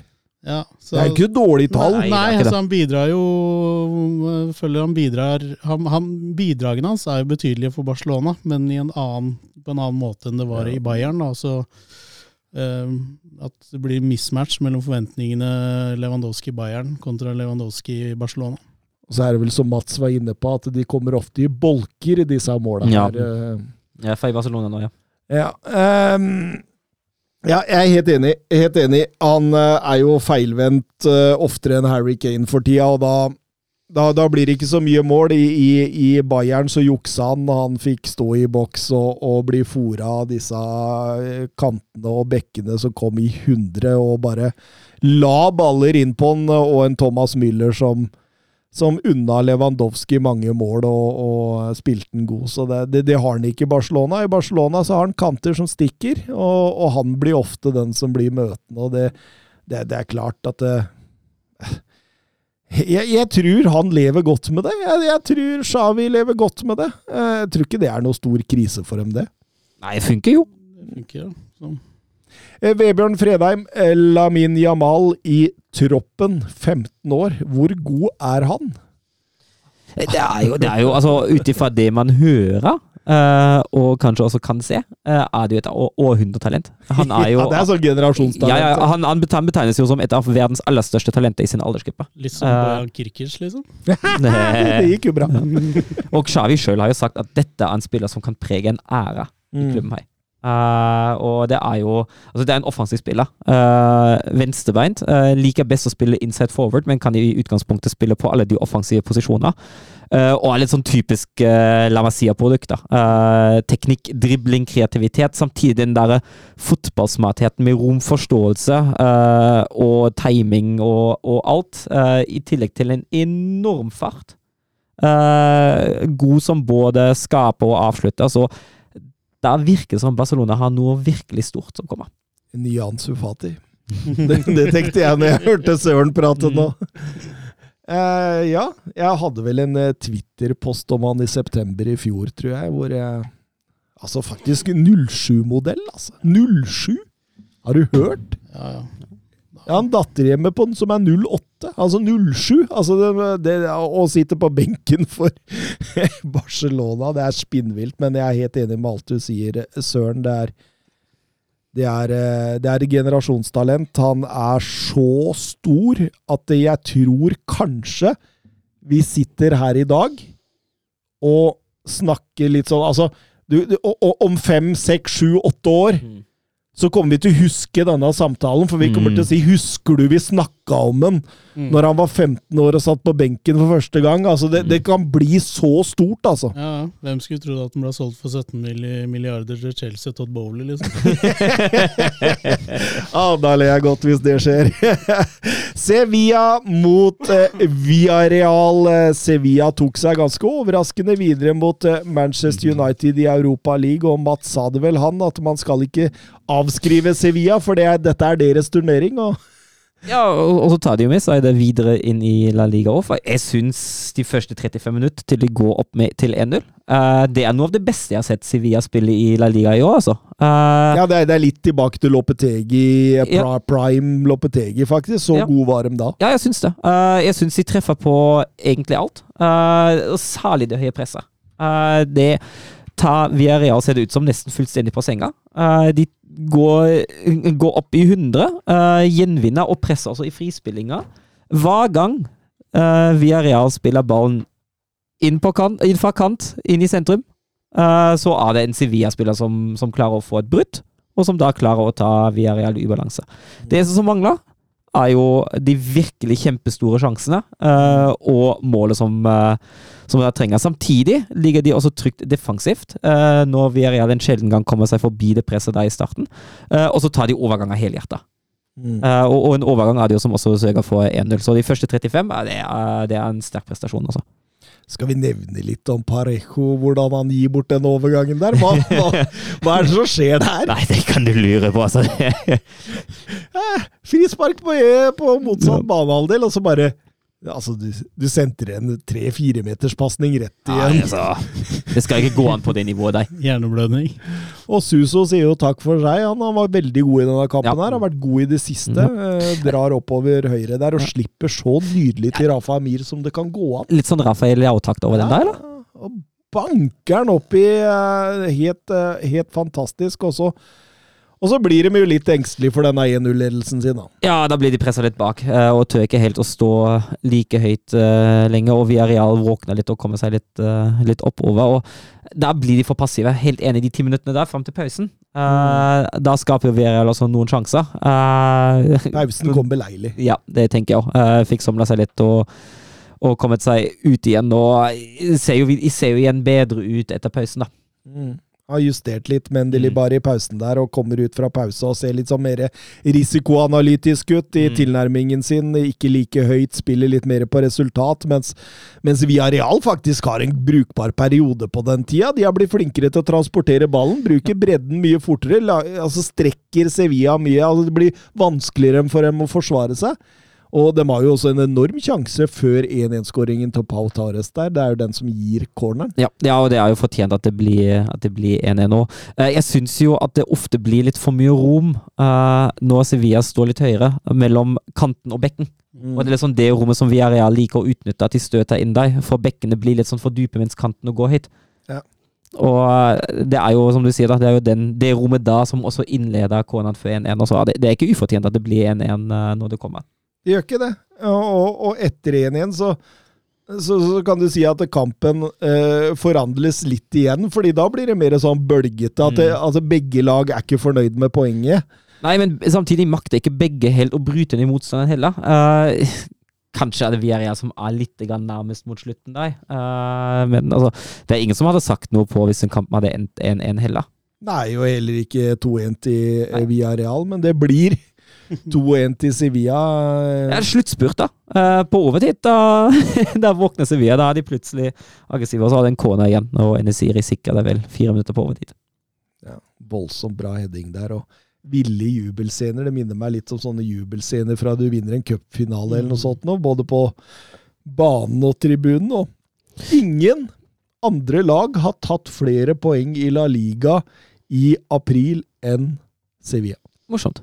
Det er eh, ganske gøy. Tenk dere det. Ti poeng. Det samme som Athletic Club, så de er i, er i god form. Og, og Konradsen på Twitter spør Mendelibar har antagelig redda Sevilla.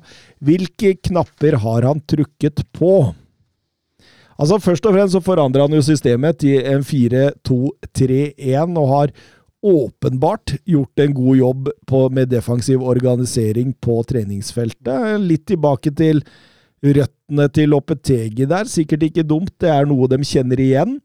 Eh, så har han fått i gang noen spillere, da, Enesiri, som for så vidt har vært bra helt siden VM, han, men Suso ser relativt revitalisert ut. Papagei ser jo plutselig ganske ok ut. Brian Gill ut venstre er frisk. og så så skapes det jo gjennom gode opplevelser og, og matcher som gir, gir, selvtillit. Og jeg tror liksom Det, det, det, det er, er, ikke noe voldsomt innvikla. Jeg tror han bare på en måte har gått inn og, og, og, tatt tak i den defensive strukturen og liksom på en måte gitt klare rollefordelinger til enkelte spillere som han tenker passer inn i laget. da, Fordi altså, en Suso var jo mer ut enn inn mm. under Sampaioli, for eksempel. Så nei, jeg tror det kan være noe av løsningen. Ja, det er jo kanskje litt altså, Jeg føler jo Sampaioli skal kreve jo veldig mye og veldig avansert system, da. Og at det må måtte forenkla mm. alt litt, og så fokus og stemning er bedre, og så får man momentum og trua, så begynner man å vinne fotballkamper. Det skal ikke kimse av det psykologiske aspektet. Absolutt ikke. Eh, Real Betis gikk på smell mot Osasona, så eh, de faller litt bakover i denne køen, mens eh, Real Sociedad vinner. Sørloth på skåringslista. Hans tiende for sesongen, og, og er dermed sammen med Jon Carew eneste nordmann som har nådd ti i La Liga. De møtes jo i kveld, de. Betis og Sociedad. Oi, oi, oi. Klokka ti. Oi, oi, oi. Kan jeg også skyte inn at eh, det ble spilt nå Girona mot Real Madrid, og Real Madrid tapte 4-2 etter fire mål av Castellanos. Det skjer ting i La Liga, samtidig som Valencia vant også 0-2 mot Elche borte. og... Den måtte de nesten vinne, altså. Ja, alle slår jo stakkars Elche, så det Men det var viktig poeng for Valencia. Jeg er likevel ganske usikker på om de holder mm. plassen. altså. Tenk på det. ja, tenk på det. det hvordan det går an. Ja. Peter Lim, liksom. Han har egenhendig raserer klubben. Det, det, noen klager på Levi, det kunne vært Peter Lim. Skal vi gå over til Bundesliga? Kjør! Er macht ein richtig gutes Spiel. Jan Schimonek. Die Wolfsburger lassen so gut wie nichts zu. Grafit.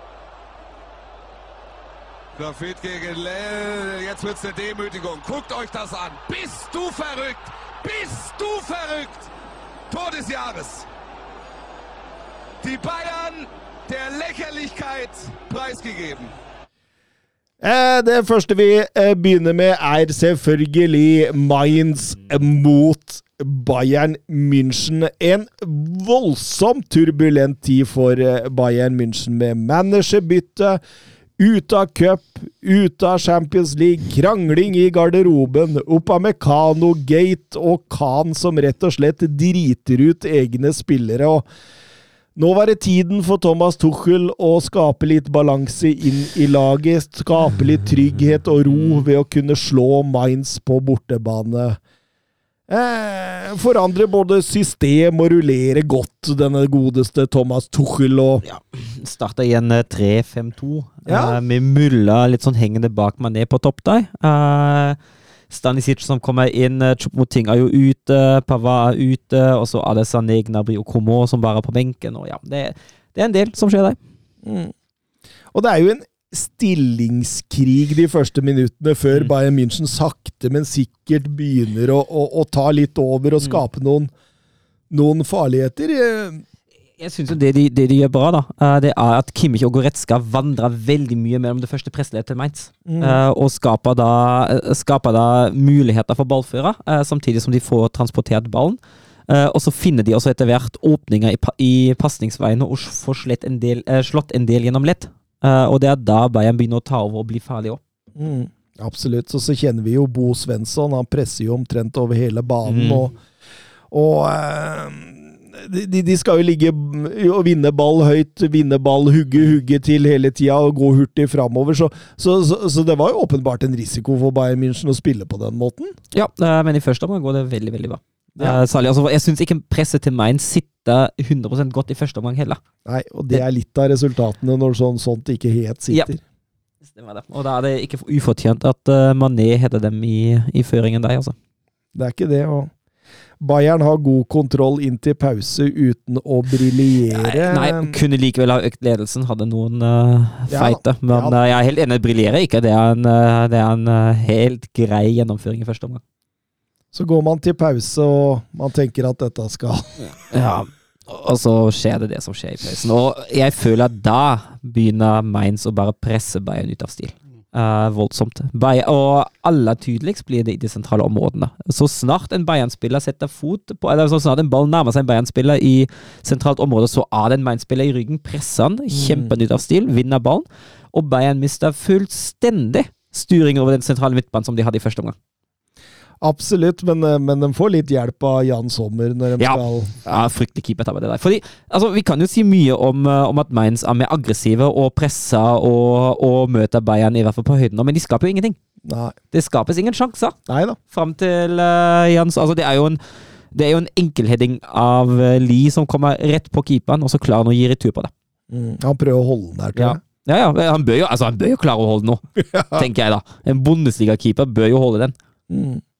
Og, og, og etter 1-1 så syns jeg Bayern München er veldig langt unna nivået Ja. sitt. Altså, da går ballen mye, mye seinere. Det er ikke de kombinasjonene vi kjenner til, eh, ikke det tempoet. De har rytmeproblemer, de løper én og én, og spillvendingene er ikke like Altså, alt går egentlig fullstendig på trynet. Ja, og det virker som om laget bare kollapser. Ja. Og du ser det på 2-1, og det er en ekstremt enkel skåring som de får imot deg. Route one. Ja, veldig. Eh, En lang ball fra Sen- som, eh, som Ajok stusser videre til Onisivo, og han legger den på tvers. Og da får Barreiro skåre 2-1. Det er fryktelig lett. Der taper de tre dueller på rad. Nå gjør det. og, og ballen ligger i mål, og 3-1 kommer jo også rett etterpå. Da. Den presser jo da Bayern München bakover i banen. Bølge på bølge, vinner alt av dueller, og det er vel også Hanke Olsen der som, som Ja, sist, mottar ja. bare i mellomrom og, og flikker den videre der til denne Karitschol. Er det det han heter? Aron. Aron Karitschol. Ja, men- men han kalles bare for Aron, egentlig. Han kalles bare for Aron. Sitter på benken han for Norge nå. Hanke Olsen, ja. ja du må jo spille, må, må, må, må spille Strandberg, vet du. Ja, trenger han. Og dermed fortsetter Mainz eh, den gode statistikken eh, hjemme mot Bayern München under Bo Svensson. Det er å, å vinne alle kampene de har. Ja, unntatt, uh, unntatt den uh, cupkampen Ja. de spilte, den tapte i 4-0. Men i, i Bundesliga har de vunnet tre av tre, da. Og sist noen vant tre strake hjemme mot, eh, mot Bayern München i Bundesliga, var Freiburg eller Folke Finke på, på, på, på 90-tallet. det, det er eh, morsomt. Vi må snakke litt eh, Bayern München. Eh, Bjørn Erik Skorge kan lede oss inn på temaene. Hva har skjedd med Bayern etter at Tuchel blei ansatt? De vinner jo nesten ikke kamper! Nei, og jeg føler at hele klubben famler. Uh, altså Tuchel sjøl, altså, du ser jo Altså, han, han uh, ja, Man kan snakke mye om planene mot, uh, mot topplagene, men altså mot Hoffenheim forrige uke da, altså, det, det er ikke en bra kamp de har heller. da. Det blir jo bare 1-1 mot et bunnlag, og nå tap mot Mainz. og for, mye forandring. Virker som om at også han leter litt etter den beste formasjonen. Uh, har tatt over en tropp da egentlig alt bare virker usikkert, da det ikke er noe harmoni. Uh, jeg syns heller ikke at Tuchel treffer på endringer underveis. Jeg syns han, han bruker en stund før han tar endringer, og i byttene han tar heller de Jeg, jeg kan ikke helt forstå de heller. Uh, han bytter jo bare posisjon for posisjon, uh, og får ingen impulser inn fra benken heller. så Nei, det er det mye som ikke stemmer. Eh, det er egentlig Altså Ja, altså det, det, er, det, er, det er egentlig ingenting som stemmer i Bayern om dagen, altså. Det, og det, starter jo jeg, jeg føler at det som er sånn ty, så kjempetydelig er den der Bayern-utypiske usikkerheten som ser ut til å spre seg bare over hele linja. Eh, og egentlig hele klubben. Ja, og den fikk jo sterk kritikk her på måten eh, klubben hadde utvikla seg uh, på under av Lothar Matheus der. Jeg Ja. tror denne kritikken forsterkes av det som har skjedd med rundt Nagelsmann og Thomas Tuchel-byttet. Nå har det vært også sprikende rapporter på om Nagelsmann hadde fått spillergruppa mot seg eller ikke. Goretzka er en av de som har gått ut og sagt nei. Ja, Han, òg. han hadde garderoben, han. Kim, Kim, Så- Kimmich sier det samme. Og, og, og da blir det jo enda verre! Altså, jeg tenker, tenk, altså, den, det eneste som kan Som jeg mener kan forklare at Nagelsmann fikk sparken i Bayern, er jo at han mista garderoben. Og- Eller var på vei til å miste garderoben. Ja, og, det, og, og, og når sentrale spillere i laget går ut og sier nei Det virker som det er litt kaos. og det, mm, Ofte når man har sånn diktator og sånn, så blir det sånn maktvakuum når de felles. Det fø- føles litt sånn eh, etter at Uli Hønes uh, trappa ned da, i Bayern. Og så, for det er jo, en, det er jo litt Det er jo typer som styrer der nå, med Oliver Kahn og ah, ja. Ja. ja altså, altså, og da, da, da føler jeg kanskje vi er inne på hovedproblemet, altså. Uh, ledelsen på topp. mm. eh, det er, det er svake saker. Uh, og jeg har jo vært kritisk mot godeste sånn Salihamidzic før, og jeg er jo, jeg er jo det fortsatt. Han må bare bli kvitt. Uh, Troppsammensetninga er jo til syvende og sist hans ansvar. Eh, han har ikke klart å, å erstatte spillere som Lewandowski, Lewandowski Thiago eller Alaba. Eh, av de som har kommet nå i sommer, er jo de Ligt den eneste som virkelig har overbevist. Resten er jo altså, Greit nok at en Mattis Tell eller en uh, Ryan Kravenberg, som av talenter kanskje ikke går rett inn i førstelaget, det er jo greit, men eh, da må man hente noe etablert som forsterker òg. Det har han, jo, har han jo ikke klart. Lewandowski har jo fortsatt savna og ikke erstatta. det er Erik Maxim Choupo-Moting som var førstevalget på det, og det var helt sykt. Uh, virker også som om spillerne nå Det, det, ryktes at spillerne ikke har troa på Salihamidzic lenger. Uh, de tenker at det han driver med, det er, det er rare saker. Og altså er det jo, som du var inne på, den kritikken av Matheos, da, at den lederstilen nå, den er ikke Altså, kan si mye rart om Hønes og Rummenigge og øh, hva var det, smugling av klokker og skatteunndragelse og alt det der. uh, men jeg tror innad i Bayern, da, da tok man på en måte vare på sine egne, da. Mm. Eh, og den der samhørighetsfølelsen den virker til å være borte. Mm. Ja. Kanskje det er ledelsen som har mista garderoben, og ikke Nagelsmannen. Ja, Oliver Kahn framsto ikke akkurat som en, eh, som en stødig eh, og klok leder i, i mediene heller. Nei, han gjør ikke det. Han virker som tidenes klovn, faktisk. Eh, Jørgen Knutsen, Bayern allerede starta skittentøysvasken. Til og med Kicker spør sine lesere hvem har skylda. Og så legger han ved et lite bilde av hva lesere har sagt. Eh, Hva mener panelet? Hva er årsakene til Bayerns nedtur? Det har vi vært litt inne på, men svarene han fikk, eh, altså Kicker fikk, Mm. da det var rundt 40 eh, mente det var Khan, 68 eh, Brasso, 5% Nagelsmann, 4% Tuchel og 36% spillere. Og nå har vi jo ikke Matte-Mats her, så, så langt jeg kan regne frem til, Ja. men de må jo Det ble 100% til slutt, det ja. må, må, Ja, det er jo godt og vel, så det må jo ha vært mulig å trykke på flere alternativer her. Ja, men, men altså, hvis, hvis det er mulig, er jo det egentlig en bra ting. For jeg tenker jo altså sånne ting, sånne kriser, er jo veldig sjeldent uh, produkt av én enkelt ting, eller én enkel faktor. Det er jo gjerne sammensatt. Og Men det, men det betyr jo da at lesere av Kicker da, eh, frikjenner eh, Nagelsmann og Tuchel, og så Ja. er det spillere, Brasso og Khan som er skylda i dette. Ja, og jeg kan jo være enig i det. Jeg mener jo at de kanskje har hovedskylda. Uh, altså, Tuchel, ja, greit nok. Nå har han ikke truffet i den enkeltkampen mot Mainz, har kanskje ikke truffet helt mot Hoffenheim heller, men altså, for ham er jo den situasjonen ganske vanskelig. Å overta midt i sesongen med en tropp som eh, som har da den statusen som en har. Uh, jeg syns jo heller ikke at Nagelsmann nødvendigvis gjorde en dårlig jobb. Uh, det var noen, noen rare valg da, og særlig på ledelsesfronten for all del. Uh, men rent sportslig gikk det jo forholdsvis, forholdsvis brukbart under Nagelsmann. Ja, ja. Eh, og jeg er jo helt enig i at eh, hovedproblemet er jo ledelsen der over igjen. Eh, og det på mange områder. og ja, eh, spillerne må jo altså for all del ta sin del av skylda, nei. Men eh, det, er, det er nok et sammensatt problem. Men nå ryktes det jo også at det er Bayerns uh, kontrollgremium, uh, da Olli Hønes fortsatt har et sete, og er litt sånn den, uh, den sterke karakteren der inne, de møtes nå neste gang 22. mai.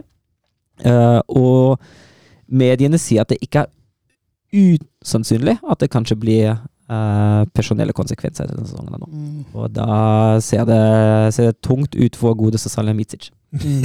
ja, det, det burde de virkelig uh, gjøre. Bli kvitt denne karen der. Men eh, Petter Halseth eh, vil heller over på Mainz. Han spør spør hvorfor blir aldri Bo Svensson linka til de store jobbene. Jobben han gjør i Mainz er jo enorm, og det ligner litt på Klopp og Tuchel, hva de gjorde i klubben. Jeg er helt enig. uh, og det, er, det står enorm respekt av hvordan Bo Svensson altså Han tok jo over i en egentlig håpløs uh, situasjon, der Mainz lå vel på 18.-plass uh, halvveis i sesongen og klarte å redde dem på nesten mirakuløst vis. Og, og siden den gangen har egentlig bare klubben og laget uh, utvikla seg, og det er jo i stor, stor grad takket på Svensson. Og eh, jeg er helt enig. Han ligner veldig på uh, altså Spillestilmessig mest Klopp, da, med den der rock'n'roll-fotballen. Men det er jo litt sånn den samme utviklinga som både Klopp og Toril har tatt. De har jo starta sine managerkarrierer i Mainz. Klopp meldte vel også Bo Svensson i 2021 som det nye store Mm. fra Tyskland, så det er åpenbart at han liker det han har sett. Og jeg tror, jeg tror grunnen til at han ikke har blitt lenka så mye uh, altså For det første har han gått under radaren. Mainz han ikke spilt i Europa. Uh, det er det ene. Uh, for det andre har han eh, i hvert fall i forrige sommer vært klinkende klar på at eh, han forlater ikke Mainz denne sommeren. Hei, han var rett og slett ikke åpen eh, for andre jobber. Men eh, vi får se hvordan det blir denne sommeren. Hvis Mainz klarer å holde på ham ett år til, er det, er det en god prestasjon. For jeg mener at Bård Svensson er klar for større klubber. Ser jo ikke ut som Dortmund-jobben eh, er leder med det første, da. Selv hvis man tenker tenke Mainz-trenere går jo ofte Mainz-Dortmund Premier League. Ja, jeg, jeg, jeg, han var faktisk linka til Brighton når de ansatte Roberto Di Serbi, og, og, og, jeg leste et sted at det sto mellom Di Serbi og Bo Svensson om hvem de virkelig skulle gå for. og når man kjenner til nøyaktigheten i rekrutteringa til Brighton, så må jo det sies å være et voldsomt styrketegn. Så at eh, denne Bo Svensson får større oppgaver etter hvert, det, det, det, det er jeg ganske sikker på. Ja, og det er fullt fortjent òg. Eh, du må si litt om Bochum eh, Wolfsburg, eh, Søren. Det blei eh, 1-5 og knusende seier, Søren. Ja, det var gøy, det. Morsomt å endelig vinne en fotballkamp igjen en stund siden. Visste, visste du, Søren, at Wolfsburg eh, skårer fem mål eller mer for tredje gang denne sesongen? Og Mm. sist de gjorde det, da ble det Bundesliga-gull. Ja, 08-09. Eh, altså, altså er det ikke så ofte man skårer fem mål på bortebane heller, så nå gjorde man det allerede en gang før i år, borte mot Hertha. Men det, det, det, er sjelden verre at Wolfsburg skårer fem på bortebane. Mm. Eh, skjer ikke så voldsomt ofte.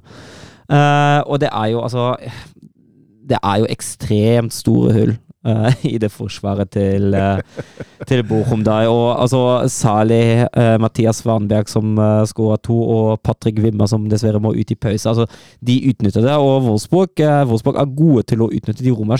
Vender ekstremt godt fra side til side. Mm. Spiller seg rundt og, og flytter folk opp og, og treffer på pasninger og truer boks. Eh, så det ser veldig bra ut, og man leder jo veldig tidlig med, med 2-0 etter 20 minutter. Uh, og så blir det jo litt sånn Jeg har vært inne på det, jeg har kritisert Kovac for det litt, og han gjør det igjen, at han ligger seg litt, litt for dypt, mener jeg, da, eh, når man da leder 2-0. Eh, det blir litt sånn få Mourinho får mye trygging. Uh, Bochum skaper ingenting etabler, eh, mot etablert forsvar, eh, men er ekstremt farlige på dødballer. Uh, skaper vel en forholdsvis høy XG.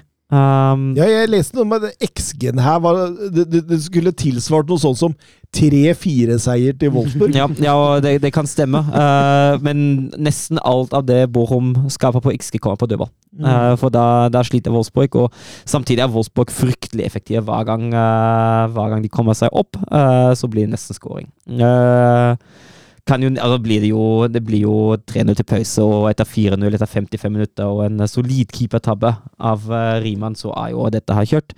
Uh, kan jo nevne to ting. Vimmer må jo som nevnt ut i pause er litt sånn, få en sånn liten, uh, ja, en liten småskade. Uh, og så byttes Mamouche inn, uh, en spiller som nå uh, har sagt at han ikke forlenger sin kontrakt, skal etter sigende være ganske klar for Eintracht Frankfurt. Han går ut igjen etter 19 minutter, etter 19 minutter fordi Kovac er misfornøyd med den defensive oppførselen, uh, og så klarer han ikke særlig mye offensivt heller. Uh, fryktelig fryktelig diva, ham. Eh, og så bomma Jonas Wind på et straffespark. Waldschmidt setter riktignok i returen, men den der uh, straffeodysseen til Wolfsburg uh, etter VM, den fortsetter. Arnold han har hatt noen bomber, og så tok Wind over. Ja, og Wind, har ikke skåra på evigheten nå. Sist han skåra, var jo borte mot Hertha i den der 5-0-kampen. Og det er jo et kvart år siden. Så, og, så, og så tok han en panenka i tverra. Oi, oi, oi. oi, oi, oi. Så vi får se hvem som tar neste straffespark der.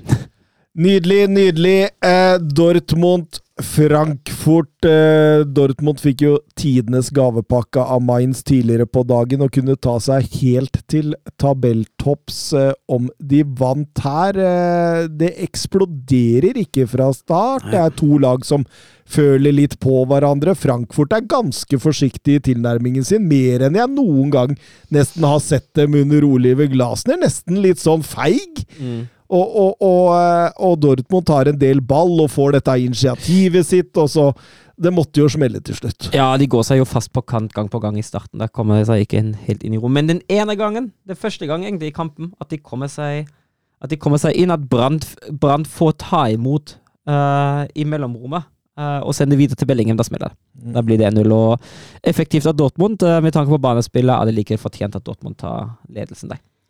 Og det, det var denne Bellingham som har glippet for Liverpool, eh, Tor Kjetil. Har han det?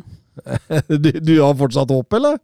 Nei, men jeg leste at han, han vil til Liverpool, har han sagt. Ja, men Hvis Også, ikke Liverpool har penga, så er jo det samme søren. Nei, men det, det viktigste er at han vil. Ja, det, det, det, er, det er bra. For da kan vi leve i håpet. Og ja. Liverpool-supportere, vi er jo Men, men, men, men vil ikke det være jævla dust, da? Å, å bruke hele transferbudsjettet sitt på én spiller? det, Liverpool trenger å styrke seg på flere altså Hele sentrallinja til Liverpool trenger jo styrking. Så, så det, det ville vært dumt, men um, det er en jækla god spiller, da. Ja da. ja da. Og det, det viser han i denne kampen òg, at han er, han er så komplett som det går an. Altså, det er jeg blir så imponert over han omtrent hver eneste Om jeg ser han i England, om jeg ser han på Dortmund altså Det har ingenting å si. Han leverer noe så hinsides bra, og han er en sånn allround-spiller som du Altså, jeg kan nesten ikke plukke én spiller historisk, jeg, som jeg tenker han ligner på.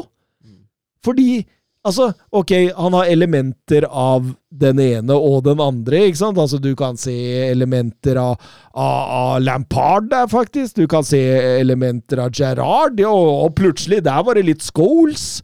Og så, oi, Roy Keane òg, gitt! Altså, du har liksom absolutt alle kvaliteter. Det er så ekstremt at jeg, jeg Prøv å finne en spiller inn i hodet ditt nå han ligner fra Altså, du- du finner ikke. Ja, på en måte komplett Ja. eh, på veldig mange måter.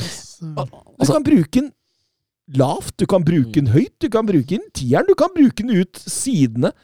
Altså Nei, det, det der, der er imponerende greier, altså. Ja, altså, altså, han har jo for all del Han har jo hatt noen dårlige kamper denne sesongen nå, men hvis du ser sesongen under ett, da, eh, å være såpass ung og levere på såpass stabilt høyt nivå som han gjør, det er ekstremt sjeldent. Du, du glemmer alderen vet Ja. når, du, når du ser på han. Du glemmer at han er ung. Ja. Fordi uh, Det er bare liksom så kvalitet i alt han gjør. Da. Og Han virker som ro og Ja, ja, det er helt uh, vilt. Uh, Dortmund avgjør jo kampen i løpet av førsteomgangen her. Eh, Daniel Malen 2-0, eh, Mats Hummels 3-0, og det er jo ferdig. Det er ferdig. Uh, flatterende, egentlig, syns jeg. For særlig etter 2-0 kommer Frankfurt ganske voldsomt. Dortmund viser at de på ingen måte er særlig stabile i egen boks heller.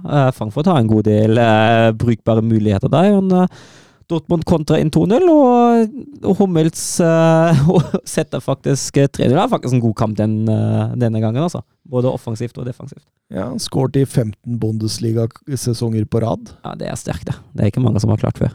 Nei, det, det tror jeg ikke. Altså, jo, altså kommer jo 4-0 etter, etter pausen, og da, altså, det skjer jo voldsomt lite etter at Dortmund går opp i 4-0. Torjus Hansen på Twitter. Hvem av Daniel Malen og Diego Yota vil Thomas først innrømme at likevel har gjort en god jobb i klubbene sine? Ja, nå er jeg spent. ja. Altså, For å si det sånn, jeg tror ikke noen av dem blir noen klubblegender. Men, eh, og jeg tror heller ikke noen av de blir avgjørende for å vinne ligaen i en stor klubb. Eh, Jeg, jeg, eh, jeg, jeg mener fortsatt begge to er stallfyll, jeg, da. Jeg, jeg, jeg klarer ikke helt å se Altså, det er litt morsomt, da. Fordi Særlig med Diogo Yota.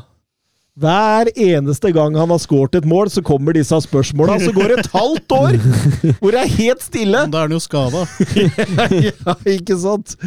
Men øh, Jeg lever godt med det, men øh, nei, det, det var fin kamp av Malen. Ja, Mal- Malen Malen har faktisk sett bra ut nå de siste kampene. Også. Mm. Eh, Jørgen Knutsen, hvor stor er sannsynligheten for at Dortmund vinner årets eh, Bundesliga? 80-20, spør han. 45% 45, ja. 45. Eh, Og, du, og jeg er mer på 55, jeg. Nei, jeg er på 45 på grunn av på, Altså, jeg altså Hvordan skal Bayern komme seg ut av dette, søren? Nei, Dortmund er jo ikke stabile, de heller. Uh, Jo, og de er jo, de er jo det. Altså, Nei, de jeg synes, syns, jeg de syns har ikke det. De, de har jo vunnet alt på hjemmebane. Ja, men, ja, men hvis, du ser, hvis du ser litt sånn bakresultatet, da. Uh, det er jo ikke stabilitet. Den, Hvor mange kamper har de tapt i 2023?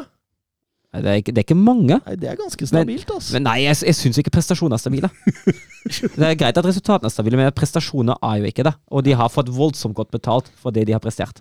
Ja, da, jeg, jeg er litt med på det her, men, men, men. Altså, at, at det blir, altså dette her kan bli, og dette blir fort en race helt til siste runde. Uh, og altså, det kan vippe begge veier. Jeg holder bare en sånn bitte liten favoritt. Uh, for grunn av kampprogrammet. Det er noe enklere enn Dortmund. Jeg ser flere potensielle uh, feilskjær for Dortmund enn for Bayern. Uh, men i den formen som, eller den ustabiliteten som de begge to har vist, så kan de plutselig finne på å tape mot hvem som helst. Jeg har faktisk fasit eh, på spørsmålet. Fordi jeg ringte jo, før jeg kom hit som litt research, så ringte jeg Norges regnesentral, eh, Mats. Og han sa det var ca. 115 sjanse for at det ble Dortmund. Det er jo sikkert Mats som har gjort opp status i kicker òg, med de der 340% svar.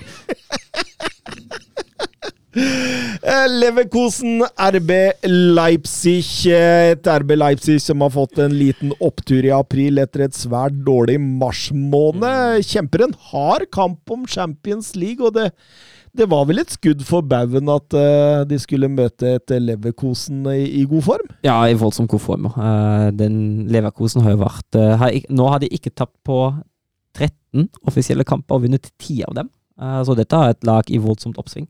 Eh, det ser jo ikke helt sånn ut på banen, da. Uh, jeg syns i banespillet er Leipzig det beste laget. Leverkosen legger seg voldsomt dypt. Uh, ser nesten litt slitne ut etter, etter Europa League. Mangler jo blant annet også Florian Wirtz. Mangler Palacios, mangler Schick, og det er jo en god del gode spillere som er ute der. Eh, samtidig er det jo stabilt. Uh, Leipzig skaper egentlig ikke voldsomt. Eh, Jeg syns jo ofte at problemet til Leipzig har vært i det siste at man ikke klarer å bryte ned dyptliggende forsvar. Eh, og det, det viser det, de viser det egentlig òg. De kommer seg ikke rundt på kant lenger. De har litt noen tilløp de første ti, men de kommer seg ikke rundt på kant. Uh, det fungerer ikke å ha, å ha Henriks på og Halsenbekk på feil side. Henriks på venstre og Halstenbekk på Mm. høyre. Eh, tanken bak er nok eh, at Henrik skal demme opp for Frimpongs voldsomme fart. Eh, for all del, det, Det klarer han. det, det klarer han jo. Eh, men offensivt eh, mister man litt, da. Mm. Eh, og da blir det en ganske så kjedelig fotballkamp den første omgangen, altså. Den gjør det. Den står igjen med, med, med Tinkerpy-skudd Ja. fra må ha vært 170 meter i, i, i tverra der, som, som Blasevic ser ut til å ikke ha kontroll på. Han ser ut som han går over, og så slipper han Mhm. bare. Og så har du 1-0-skåringen til eh, Hoslek. eh, Nydelig spill eh, gjennom Diaby, og der får de jo brukt overgangene sine. Ja, og det, det er egentlig den ene gangen, for ellers står jo Leipzig veldig bra i kontringssikring, syns jeg. Og hvis du ser på X-tallet til pausen, da, så er det 0,14 mot 0,31, og det sier egentlig det meste.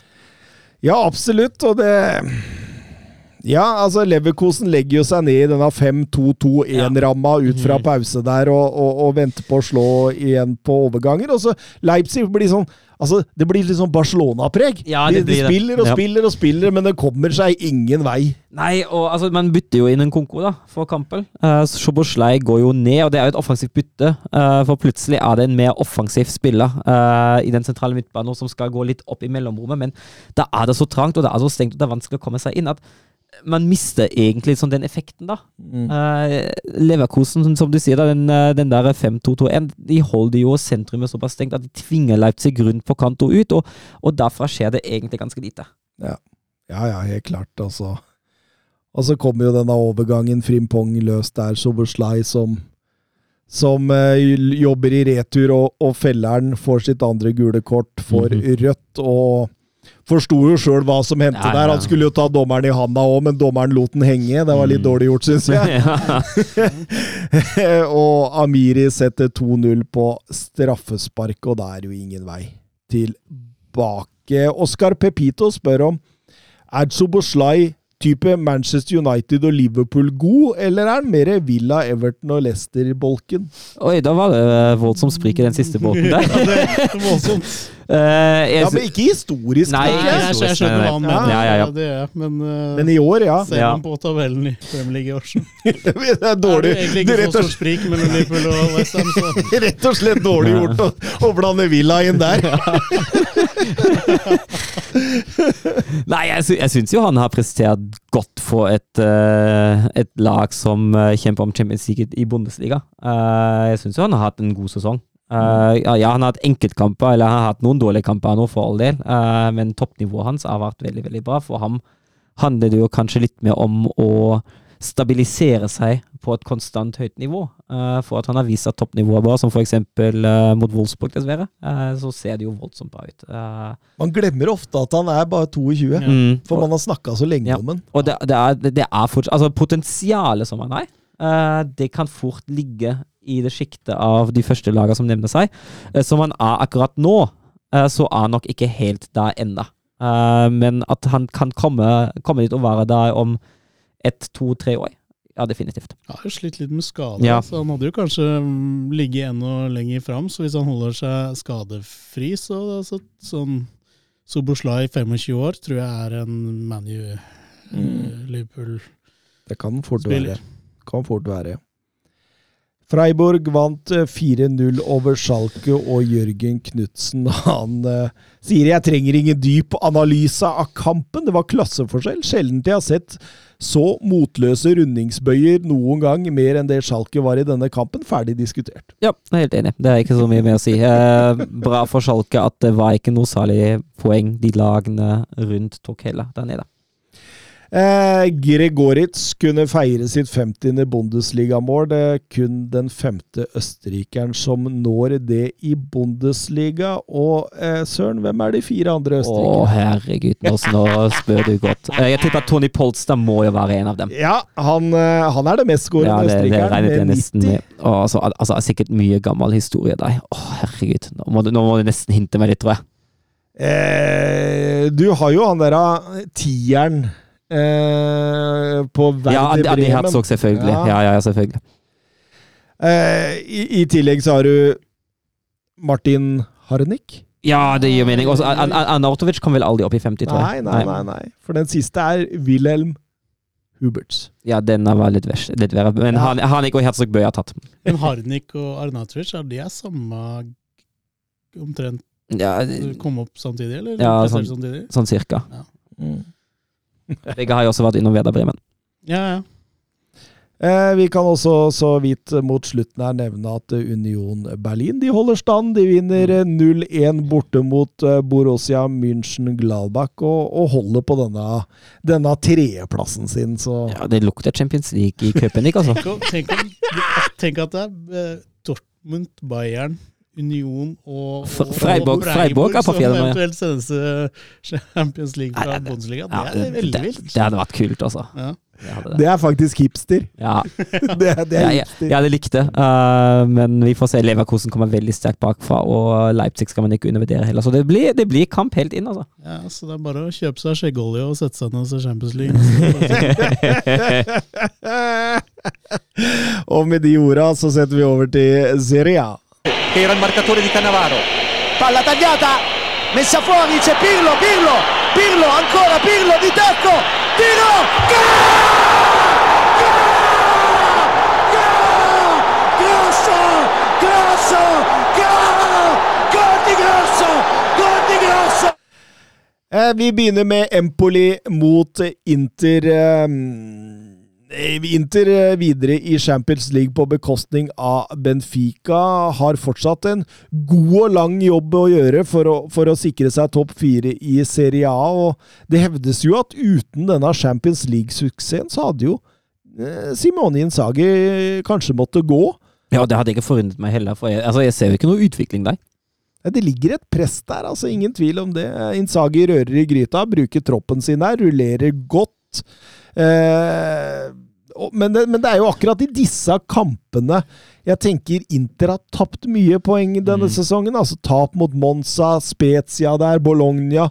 Tapte vel også mot Empoli i det motsatte oppgjøret. Så, så det, det, det, er jo det som har vært det lille problemet til Inter. da. Ja, for jeg føler at det, det spiller jo litt sånn på den største svakheten Inter har, det er jo det å bryte ned dyptliggende forsvar. Mm. Det er jo da de har vært verst. altså Inter har jo kost seg når de får ligge litt dypt sjøl og får kjøre kontringer. Eh, det liker jo Inter veldig godt, men eh, når de går inn i en kamp og er favoritt, så blir det jo fort vanskeligere. Og det er jo det som skjer her også. Empoli legger seg kompakt og tett bakover og, og, og sier til uh, Inter at uh, her får dere ball. En usedvanlig kjedelig førsteomgang. Det, er, det er noe av det verste jeg har faktisk sett. Skulle trodd det var Barcelona som spilte. altså, det var så bedrøvelig. Det var så bedrøvelig. Altså, og først og fremst offensivt. Altså, de får ikke til noe som helst. Og så går det litt bedre i annen omgang. Ja, og det hjelper jo at man får den der uh, boksåpneren tidligere eller tidlig omgang med Lukako er jo et fint satt skudd fra 18 meter. Ikke en kjempesjanse, det heller. Nei, da. men, men, han får, han får da styrten inn, uh, og det hjelper, for da må Empoli opp og fram, og da blir det rom for Inter. Og da kan de spille på akkurat det de liker å spille på. Mm. Lukaku med to, Lautaro Martinez med 3-0-skåringen, og da og da virker det som gullsesongen fra Conte for et par år siden. At uh, ja, ja, de, de, de, er, eh, de, er, tilbake på skåringslista, og treneranalyse på Twitter spør er Lukaku tilbake. Hva skjer med neste sesong? Inter er jo ikke råd. Han vil jo ikke være i Chelsea.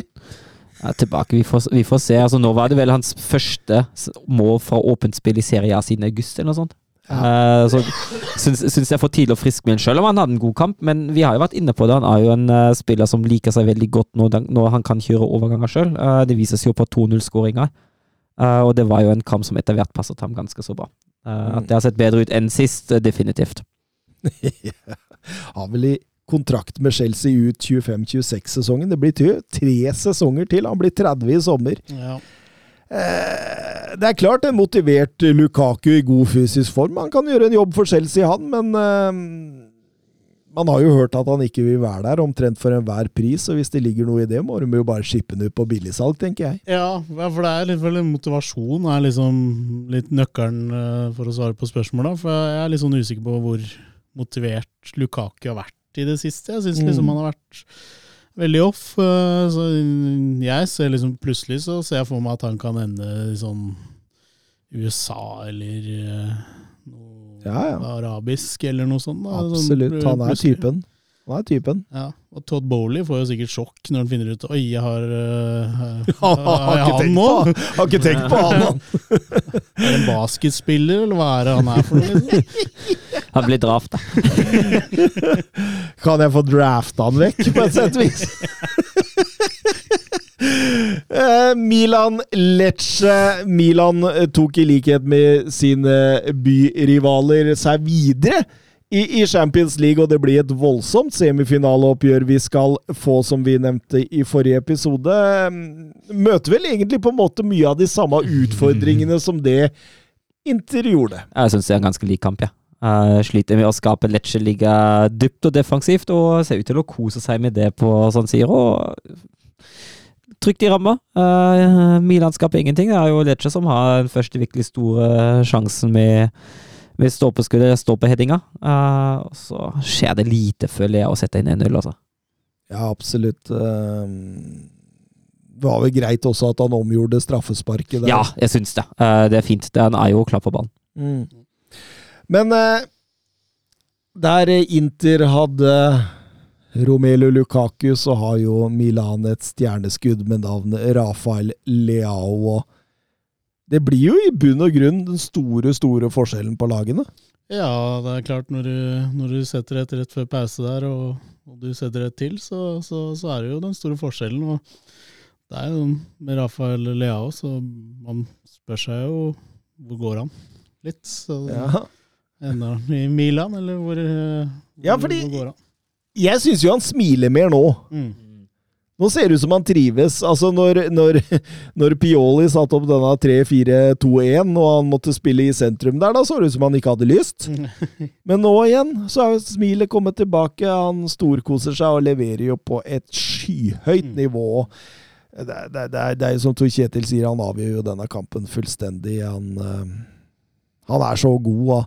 Han kunne skåret flere òg. Mm.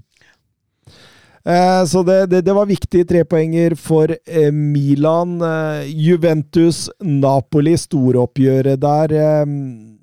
Som forventet, Napoli mye ball, Juventus forsiktig ut fra start, men ganske jevnt, altså. Ja, jeg syns det. altså Juventus klarer jo fint å holde Napoli unna. Uh, er litt sånn, viser sånn at de kan være småfarlige på overganger. Uh, og da Ja, det jevner seg ut, men det jevner seg ikke akkurat ut på et stort underholdningsnivå. Det har vært litt sånn uh, Serie A den runden har vært litt sånn uh, ja. Det kladda litt uh, i, i Serie A-kampene, ja, og det kladda for, for Napoli. altså Oshimen blir pakka inn, Kvarasjkela får ikke rom, Lozano fikk det ikke til der. Den trioen på midtbanen de klarer ikke å skape den ubalansen de trenger for å bryte gjennom dette Juventus-forsvaret. og det, det, det, finnes faktisk muligheter for overganger for Juventus der også, men det, de er akkurat for unøyaktige til at de klarer å gjøre det. Og da blir kampen et stort, stort eh, gjesp. En, en lukket kamp på mange mulige måter. Og, og det, det er jo det er, det er jo ikke før de siste ti minuttene det faktisk begynner å skje. Da kommer den første annullerte skåringen til, til, eh, til Juventus der.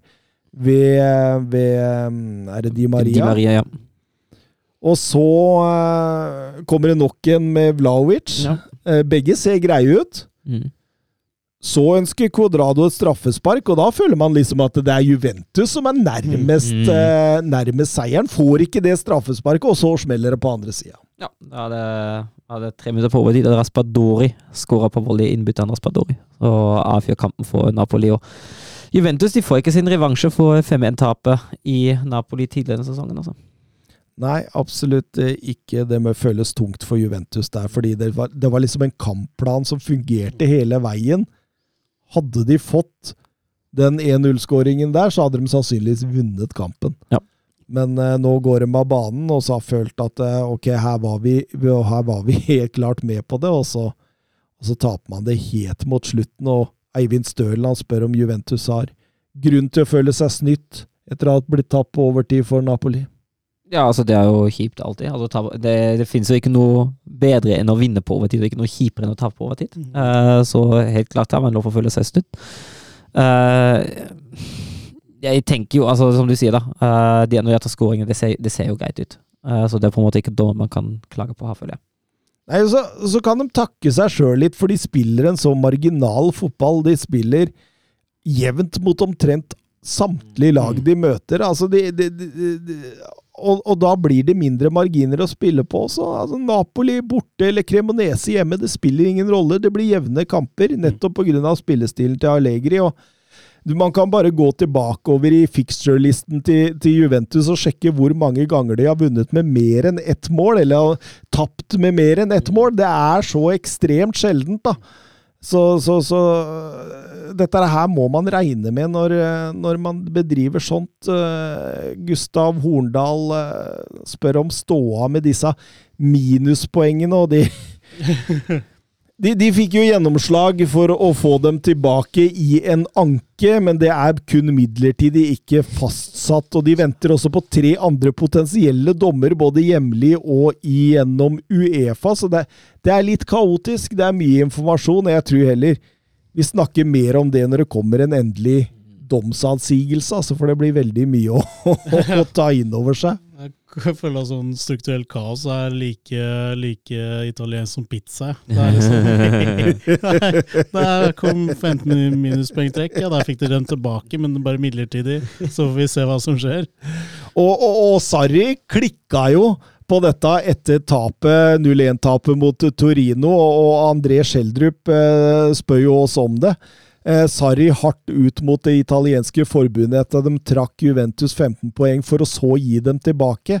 Han hevder dette forstyrrer. Har han et poeng, eller bør han konsentrere seg om hva han sjøl kan gjøre i Lazio? Nei, altså Ja, begge deler, men eh, jeg syns jo han har absolutt et poeng. Uh, problemet Ja. er jo at det skaper en veldig veldig uviss konkurransesituasjon for lagene rundt. Uh, de veit egentlig ikke hva de trenger for, for å komme seg i topp fire og komme seg til Champions League, og det er jo meget avgjørende eh, for de lagene som kjemper om Champions League. Og det blir jo en sånn uberegnelig faktor. eh, at man egentlig ikke helt veit hvordan man ligger an, og at man ikke helt veit hvordan man ligger an i den fasen av sesongen. Det er jo ganske tøft. Mm. Og så så jeg det intervjuet, og det skal sies at Sarri han var fly forbanna for tapet mot eh, Torino. Det var ikke et, eh, et, et, et bra Lazio-lag som dukka opp på banen der. Og jeg, jeg tror jo kanskje han gjorde denne saken litt til syndebukk. At han aha, At det Ja, at det var Fokus bort fra, Ja. fra laget. Ja. ja. For dette her var jo ikke noe Altså, du hørte det aldri når de fikk 15 minus. Får dem tilbake. Ok, det er jo fortsatt de samme premissene som gjelder, og han må konsentrere seg om Lazio. Mm. Så ja, ja, ja. ja. Atalanta vant eh, 3-1 over Roma. Atalanta i Bergamo er jo aldri enkelt. Eh, Solbakken starta uten å utmerke seg, men det, det var jo en jevn fotballkamp som eh, bikka i Atalantas favør. og da, da har jo det med at de, nok en gang når Roma ser ut til at nå skal vi klatre opp til de store, så faller det rett utafor igjen. Veldig, veldig artig det der. Det blir vel spennende. Men Roma har mye å spille for, da. Det har de. Europa League-semien mot Leverkosen. De har vel to hjemmekamper nå mot Milan og Inter i løpet av et par helger også, hvor det mye kan bli avgjort. Eh, Eivind Stølen, hva har de italienske lagene gjort riktig i Europacupen i år? Fem av tolv lag i semifinalen i de tre cupene er italienske. Nei, altså det er jo De har jo prestert veldig, veldig bra.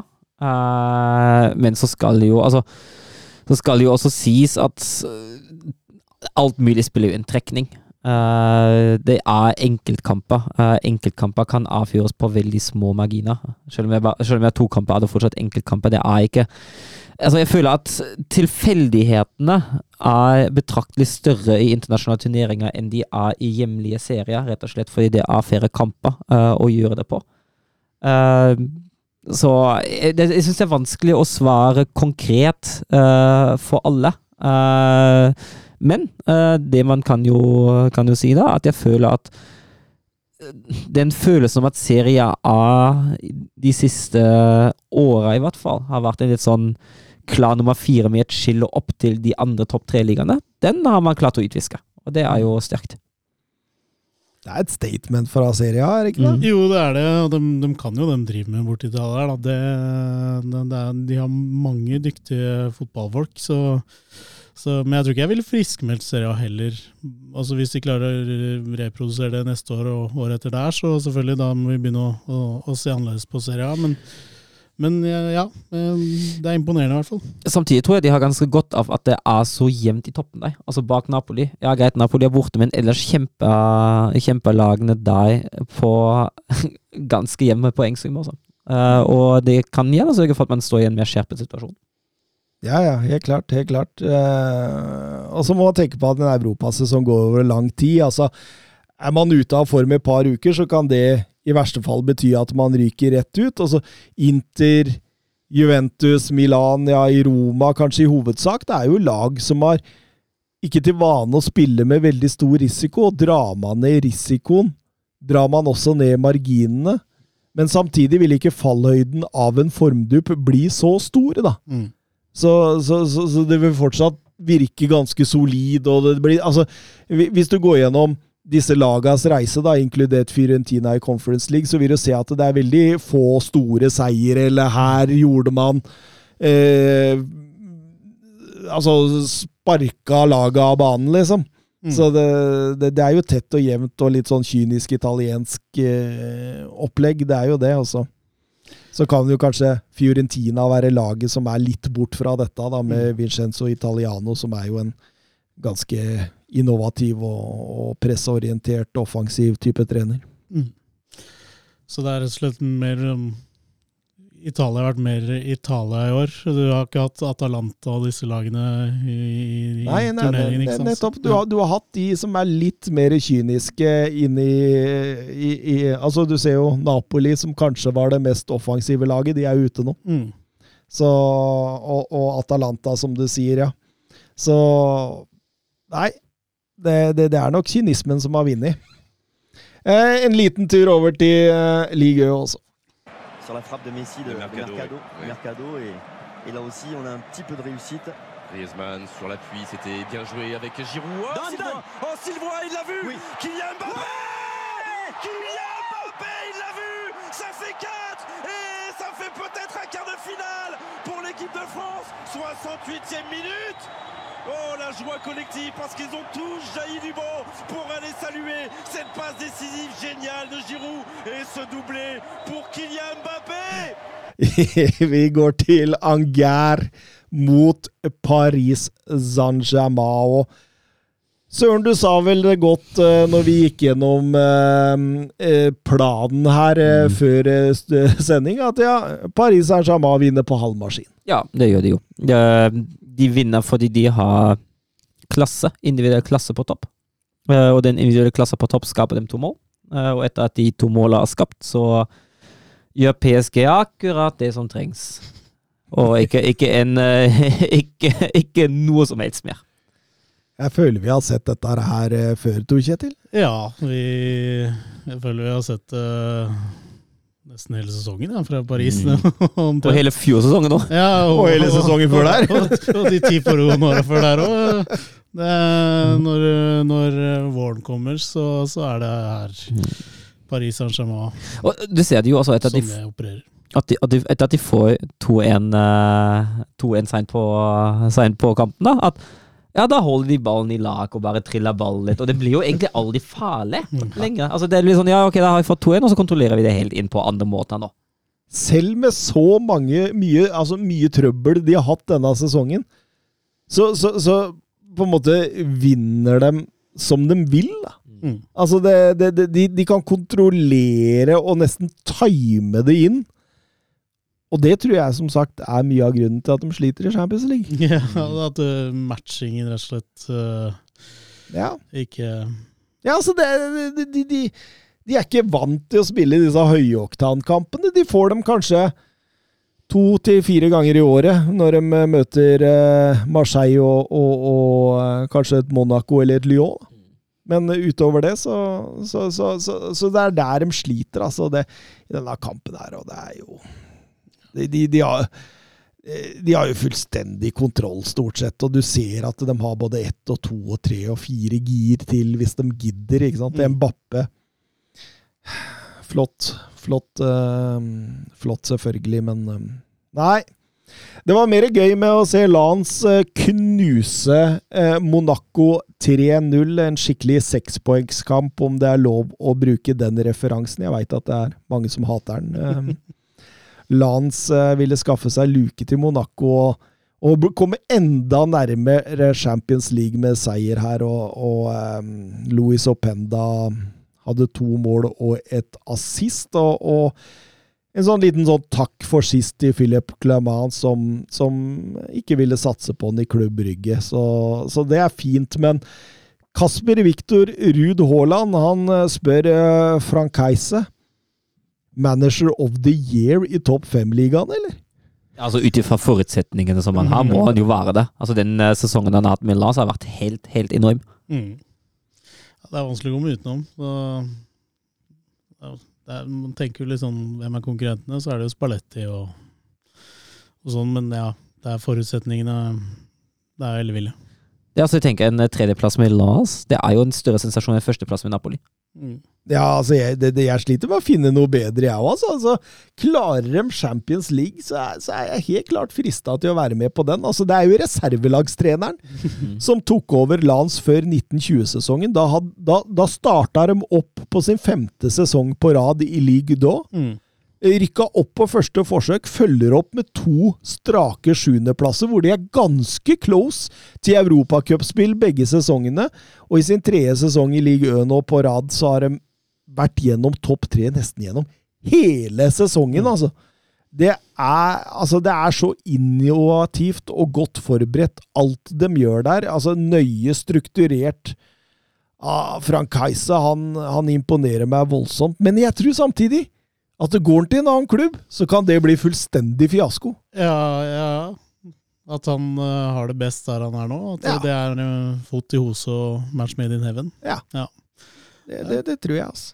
Det kan stemme. At han, så han blir eh, Hva heter det? Streich, eller hva heter han? eh, Nei. Christian Streich i Ja, Freiburg. det- Han, det- han blir Ja. en sånn type som bare er der og er der. og Kan bli en, Egentlig- en Streich i Frankrike. Da var det gøy. Det hadde vært morsomt, det.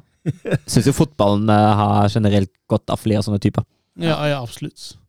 Altså, ja. Så må man liksom, hvis man står i last og brast da, med en fyr, så må man liksom regne med at det går litt opp og ned, men Mm. man vet jo hva man får.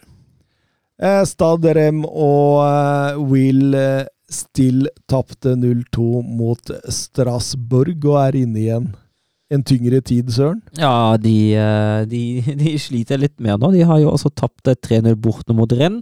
Så blir det bare uavgjort eh, mot eh, bunnlaget Brest i kampen før. Så nå, nå har det vært litt, litt tøffere tre uten seier, eh, og kun ett poeng. Det, ja, det er ikke helt, helt det vi er vant til fra Vilt. Han skulle hatt trenerutdanning, vet du. Ja. Men åttendeplass foreløpig bunnsolid eh, levert, særlig med tanke på starten de hadde under Oscar Gazia. og om man har bygd seg opp en liten europadrøm i klubben nå, så, så kan nok den drømmen slukkes, men jeg tror de lever veldig godt med det. De, det var jo overlevelse og, og full panikk eh, en periode der som var hovedfokus. og det, det, det er en ellevill jobb de har gjort. Det var også et storoppgjør mellom Lyon og Marseille, hvor Marseille vinner fortjent 1-2, og det er vel bare en uke til, eller to, til Lans mot Marseille. Den blir, den blir spennende. Mm. Beste hjemmelaget i Lans mot det beste bortelaget i Marseille, så den det kommer til å bli god kok òg. Det er jo, det er jo fotballbyer som braker sammen. Det er det. Eh, gullet er selvfølgelig levert ut Ja, til det det. Paris Saint-Germain. Ja. Lance er nå oppe på en annenplass. Ja. Rett forbi Marseille, mens eh, mens Monaco har eh, tredjeplassen og har et lite, lite gap opp. Så det er, det er, det er ingenting som er eh, gjort, Søren. Nei, det, det er ikke det. Uh, så nei, det, det er jo spennende, og det er fint at det er spennende helt til slutt, men det hadde vært gøy om Lars kom seg topp tre, altså. Mm. Syns det. Det hadde det. Møter Freiburg i neste Nei, Champions League-gruppespill, Det ja. det har vært noe, det.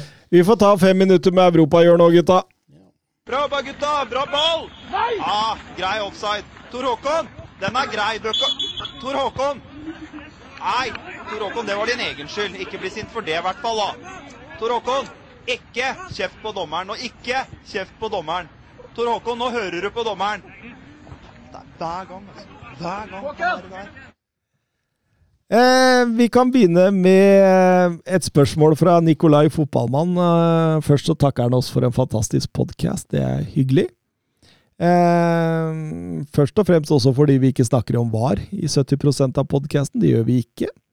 Eh, spørsmålet mitt er, skriver han, hva blir de neste klubbene til de følgende norske spillere? Sander Berge, Julian Riersson og Markus Holmgren Pedersen? Det var jo gode spørsmål, det. Mm. Uh... Sander Berge har vel ett år igjen.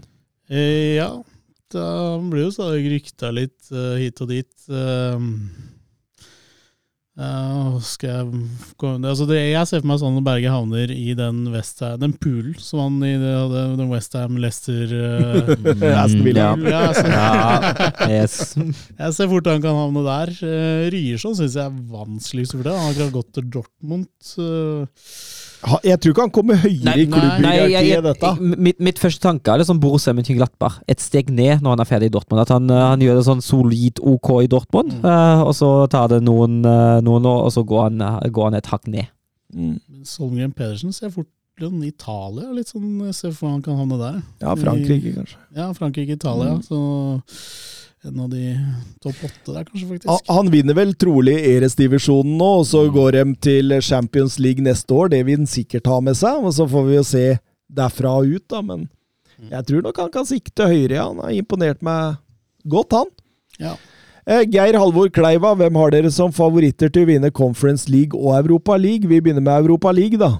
Der eh, spilles jo semifinalene Juventus og Sevilla og Roma Leverkosen. Eh, hva tror du om eh, finalen der? Ja, morsomme kamper. Jeg tror finalen blir Juventus mot Leverkosen. Mm. Uh, Leverkosen er i voldsom form. Uh, Alonso har vist seg til å være en meget habil manager, uh, som som regel finner en veldig god inngang til, til motstander.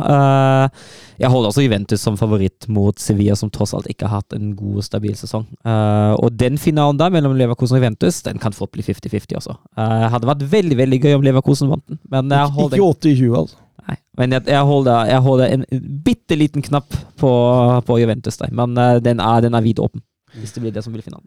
Da, Tor Kjetil, da skal du få æren av å fortelle Kleiva hvordan Conference League går. Der har vi semifinalene Fiorentina-Basel, og vi har Westham mot Aset Alkmaar. Um, ja, jeg tror, eh, jeg tror Westham tar det. Conference ja. League. Um, jeg tror det er det laget som har best kvalitet. Jeg ser for meg at Fiorentina kan det blir en utfordrer, men nei. Jeg tror det blir Westham, faktisk. Veldig artig å se Vincenzo Italiano mot David Moyes i en finale. det, det, det, er sant. det, det, kan jo bli en kul Conference League-finale. Ja, ja. Så vi får jo håpe på Fiorentina og Westham. Ja, ja det, definitivt. Det, det, føles som en riktig finale i Conference League. Mm. Uh, uh, ja, så hadde, men det, det hadde vært gøy eh, hvis Fiorentina tok det. Så altså, hjertet mitt er litt sånn på Fiorentina her, da. For det, mm. det, er, det, er, en klubb med tradisjoner og har uh, vært litt opp og ned. Og La Viola, altså. Mm. Har du noe fra Eretz-divisjonen, eller? Det har jeg. Ja. Det, var, det, var, kamp. Det var kamp? Det var kamp, det var stor kamp. Oi, oi, oi! Det var PSV mot Ajax. Oi, oi, oi! Og Xavi Simons, eller? Og Xavi Simons, ja, ja, Xavi Simons han, eh, han blir veldig fremtredende i kampen der, vet du. Uh, det er PSV som kommer soloklart best ut. Uh, Luke de Jong hadde inn 1-0 etter 13 minutter, eller 12 minutter, og det er fullt fortjent. Uh, Søren sin favoritt, forresten. Luke de Jong? Ja, det er, ja. Wolfsburg neste år, eller? Nei, helst ikke. Nei, og så har PSV god kontroll på det hele. Uh, det er ikke en sjanserik fotballkamp, uh, men de holder Ajax godt unna. Uh, er det sånn det, det farligste laget? Ajax har har et par brukbare muligheter mot slutten av første omgang. Bytter da til pausen inn Brian Brobby. Det sørger egentlig bare for at PSV får betydelig større rom i den andre retninga og kommer seg et par ganger fall igjennom. Og Xavi Simons ender opp med å bli felt av Rui. tar straffesparket sjøl, setter 2-0, og så har han tolv minutter for slutt, og så assisten til Luke de Jong som setter sitt andre for dagen, og PSV vinner fullt fortjent uh, eh, 3-0 i den kampen der. Og da blir det plutselig trangt om plassen for Ajax, altså. Feyenoord vinner, 73 poeng, førsteplass. Uh, PSV andreplass nå, 65 poeng. Ajax på tredje med 62, og AZ kommer bak med 60. Ja. Og det er, det er vel fire kamper igjen. Oi, oi, oi, oi, oi. I Liga NOS så du, du, kan si at eh, den helga her gjorde ting uforandra. Eh, Braga vant 1-0 over Casapia. Eh, Porto vant 2-0 borte mot Pacos. Sporting vant 2-0 borte mot Vitoria. Og Benfica slo Estoril 1-0 hjemme. Det var egentlig spinnvilt at det kun var 1-0. De hadde totalt 19 avslutninger og nesten 3,5 i XG. Eneste målskårer, Nicola Otamendi på en heading etter en corner. Estoril var egentlig ikke i nærheten. Aursnes som høyrebekk eh, gjennom hele kampen har blitt en ganske så anvendelig spiller for Roger Schmidt, og, og satt på benken gjennom hele, hele kampen. Eh, det mest interessante her er jo at Champions League-eventyret til Benfica gjorde at de tapte to kamper på rad mot Chávez og Porto. Det blei litt for mye der. Du merka at energinivå Det så du også i mm. disse kampene mot, uh, mot Inter. og, og forspranget der har krympa ned til hele fire poeng nå. Så det, det er ikke så mye Altså, Det så jo lenge ut som at dette ville Benfica bare dra i land. Men nå, nå ligger Porto litt på, på skuddhold av dette. altså. Og Braga to poeng bak Porto der igjen. Så at Braga holder ut på en tredjeplass der, er ekstremt imponerende. Jeg trodde de skulle falle av etter hvert, men nå har de ikke tapt på sju. og og mye tyder på at de er på vei inn. Så, så Sporting, de, på grunn av den trøblete starten de hadde i, i, i, sesongen, så ser de ut som de kommer utenfor topp tre. Altså. Så det, det, det, det, kan bli spennende. Det kan bli sånn at Benfica går på ti nye seire, holdt jeg på å si. Det, det hadde blitt i så fall ni. Men uh, meget uh, Nei, nei, åtte hadde det blitt, faktisk. Åtte. Så det er ikke så mange poeng igjen å spille om, så jeg, jeg regner jo med at Benfica tar det, men det, det, det, det er tett. Det er tett. Spennende. Eh, da var vi ferdige, gutta. Ja. Søren har fortært en halv gulrot underveis og, og, og, sitter fortsatt igjen med et eple og tomat. Så det, ban banan òg. Du har banan òg, ja? Ja, ja. Oi, oi, oi, oi. At du har banan, det visste jeg, Søren. Nå begynner det å bli seint her. Eh, Takk for at du kom, eh, Tor Kjetil. Jo, takk for at jeg fikk komme. Takk for at du kom, eh, Søren Døpker. Takk for at jeg fikk komme. Vi roder i land uten Mats Granvold å si. Ja, det gjør, det, det gjør vi. Ja, det utrolig nok. ha det bra. Ha det. Se på den bananen din, eller? Messi surging forward with real menace here. Brilliant from Messi.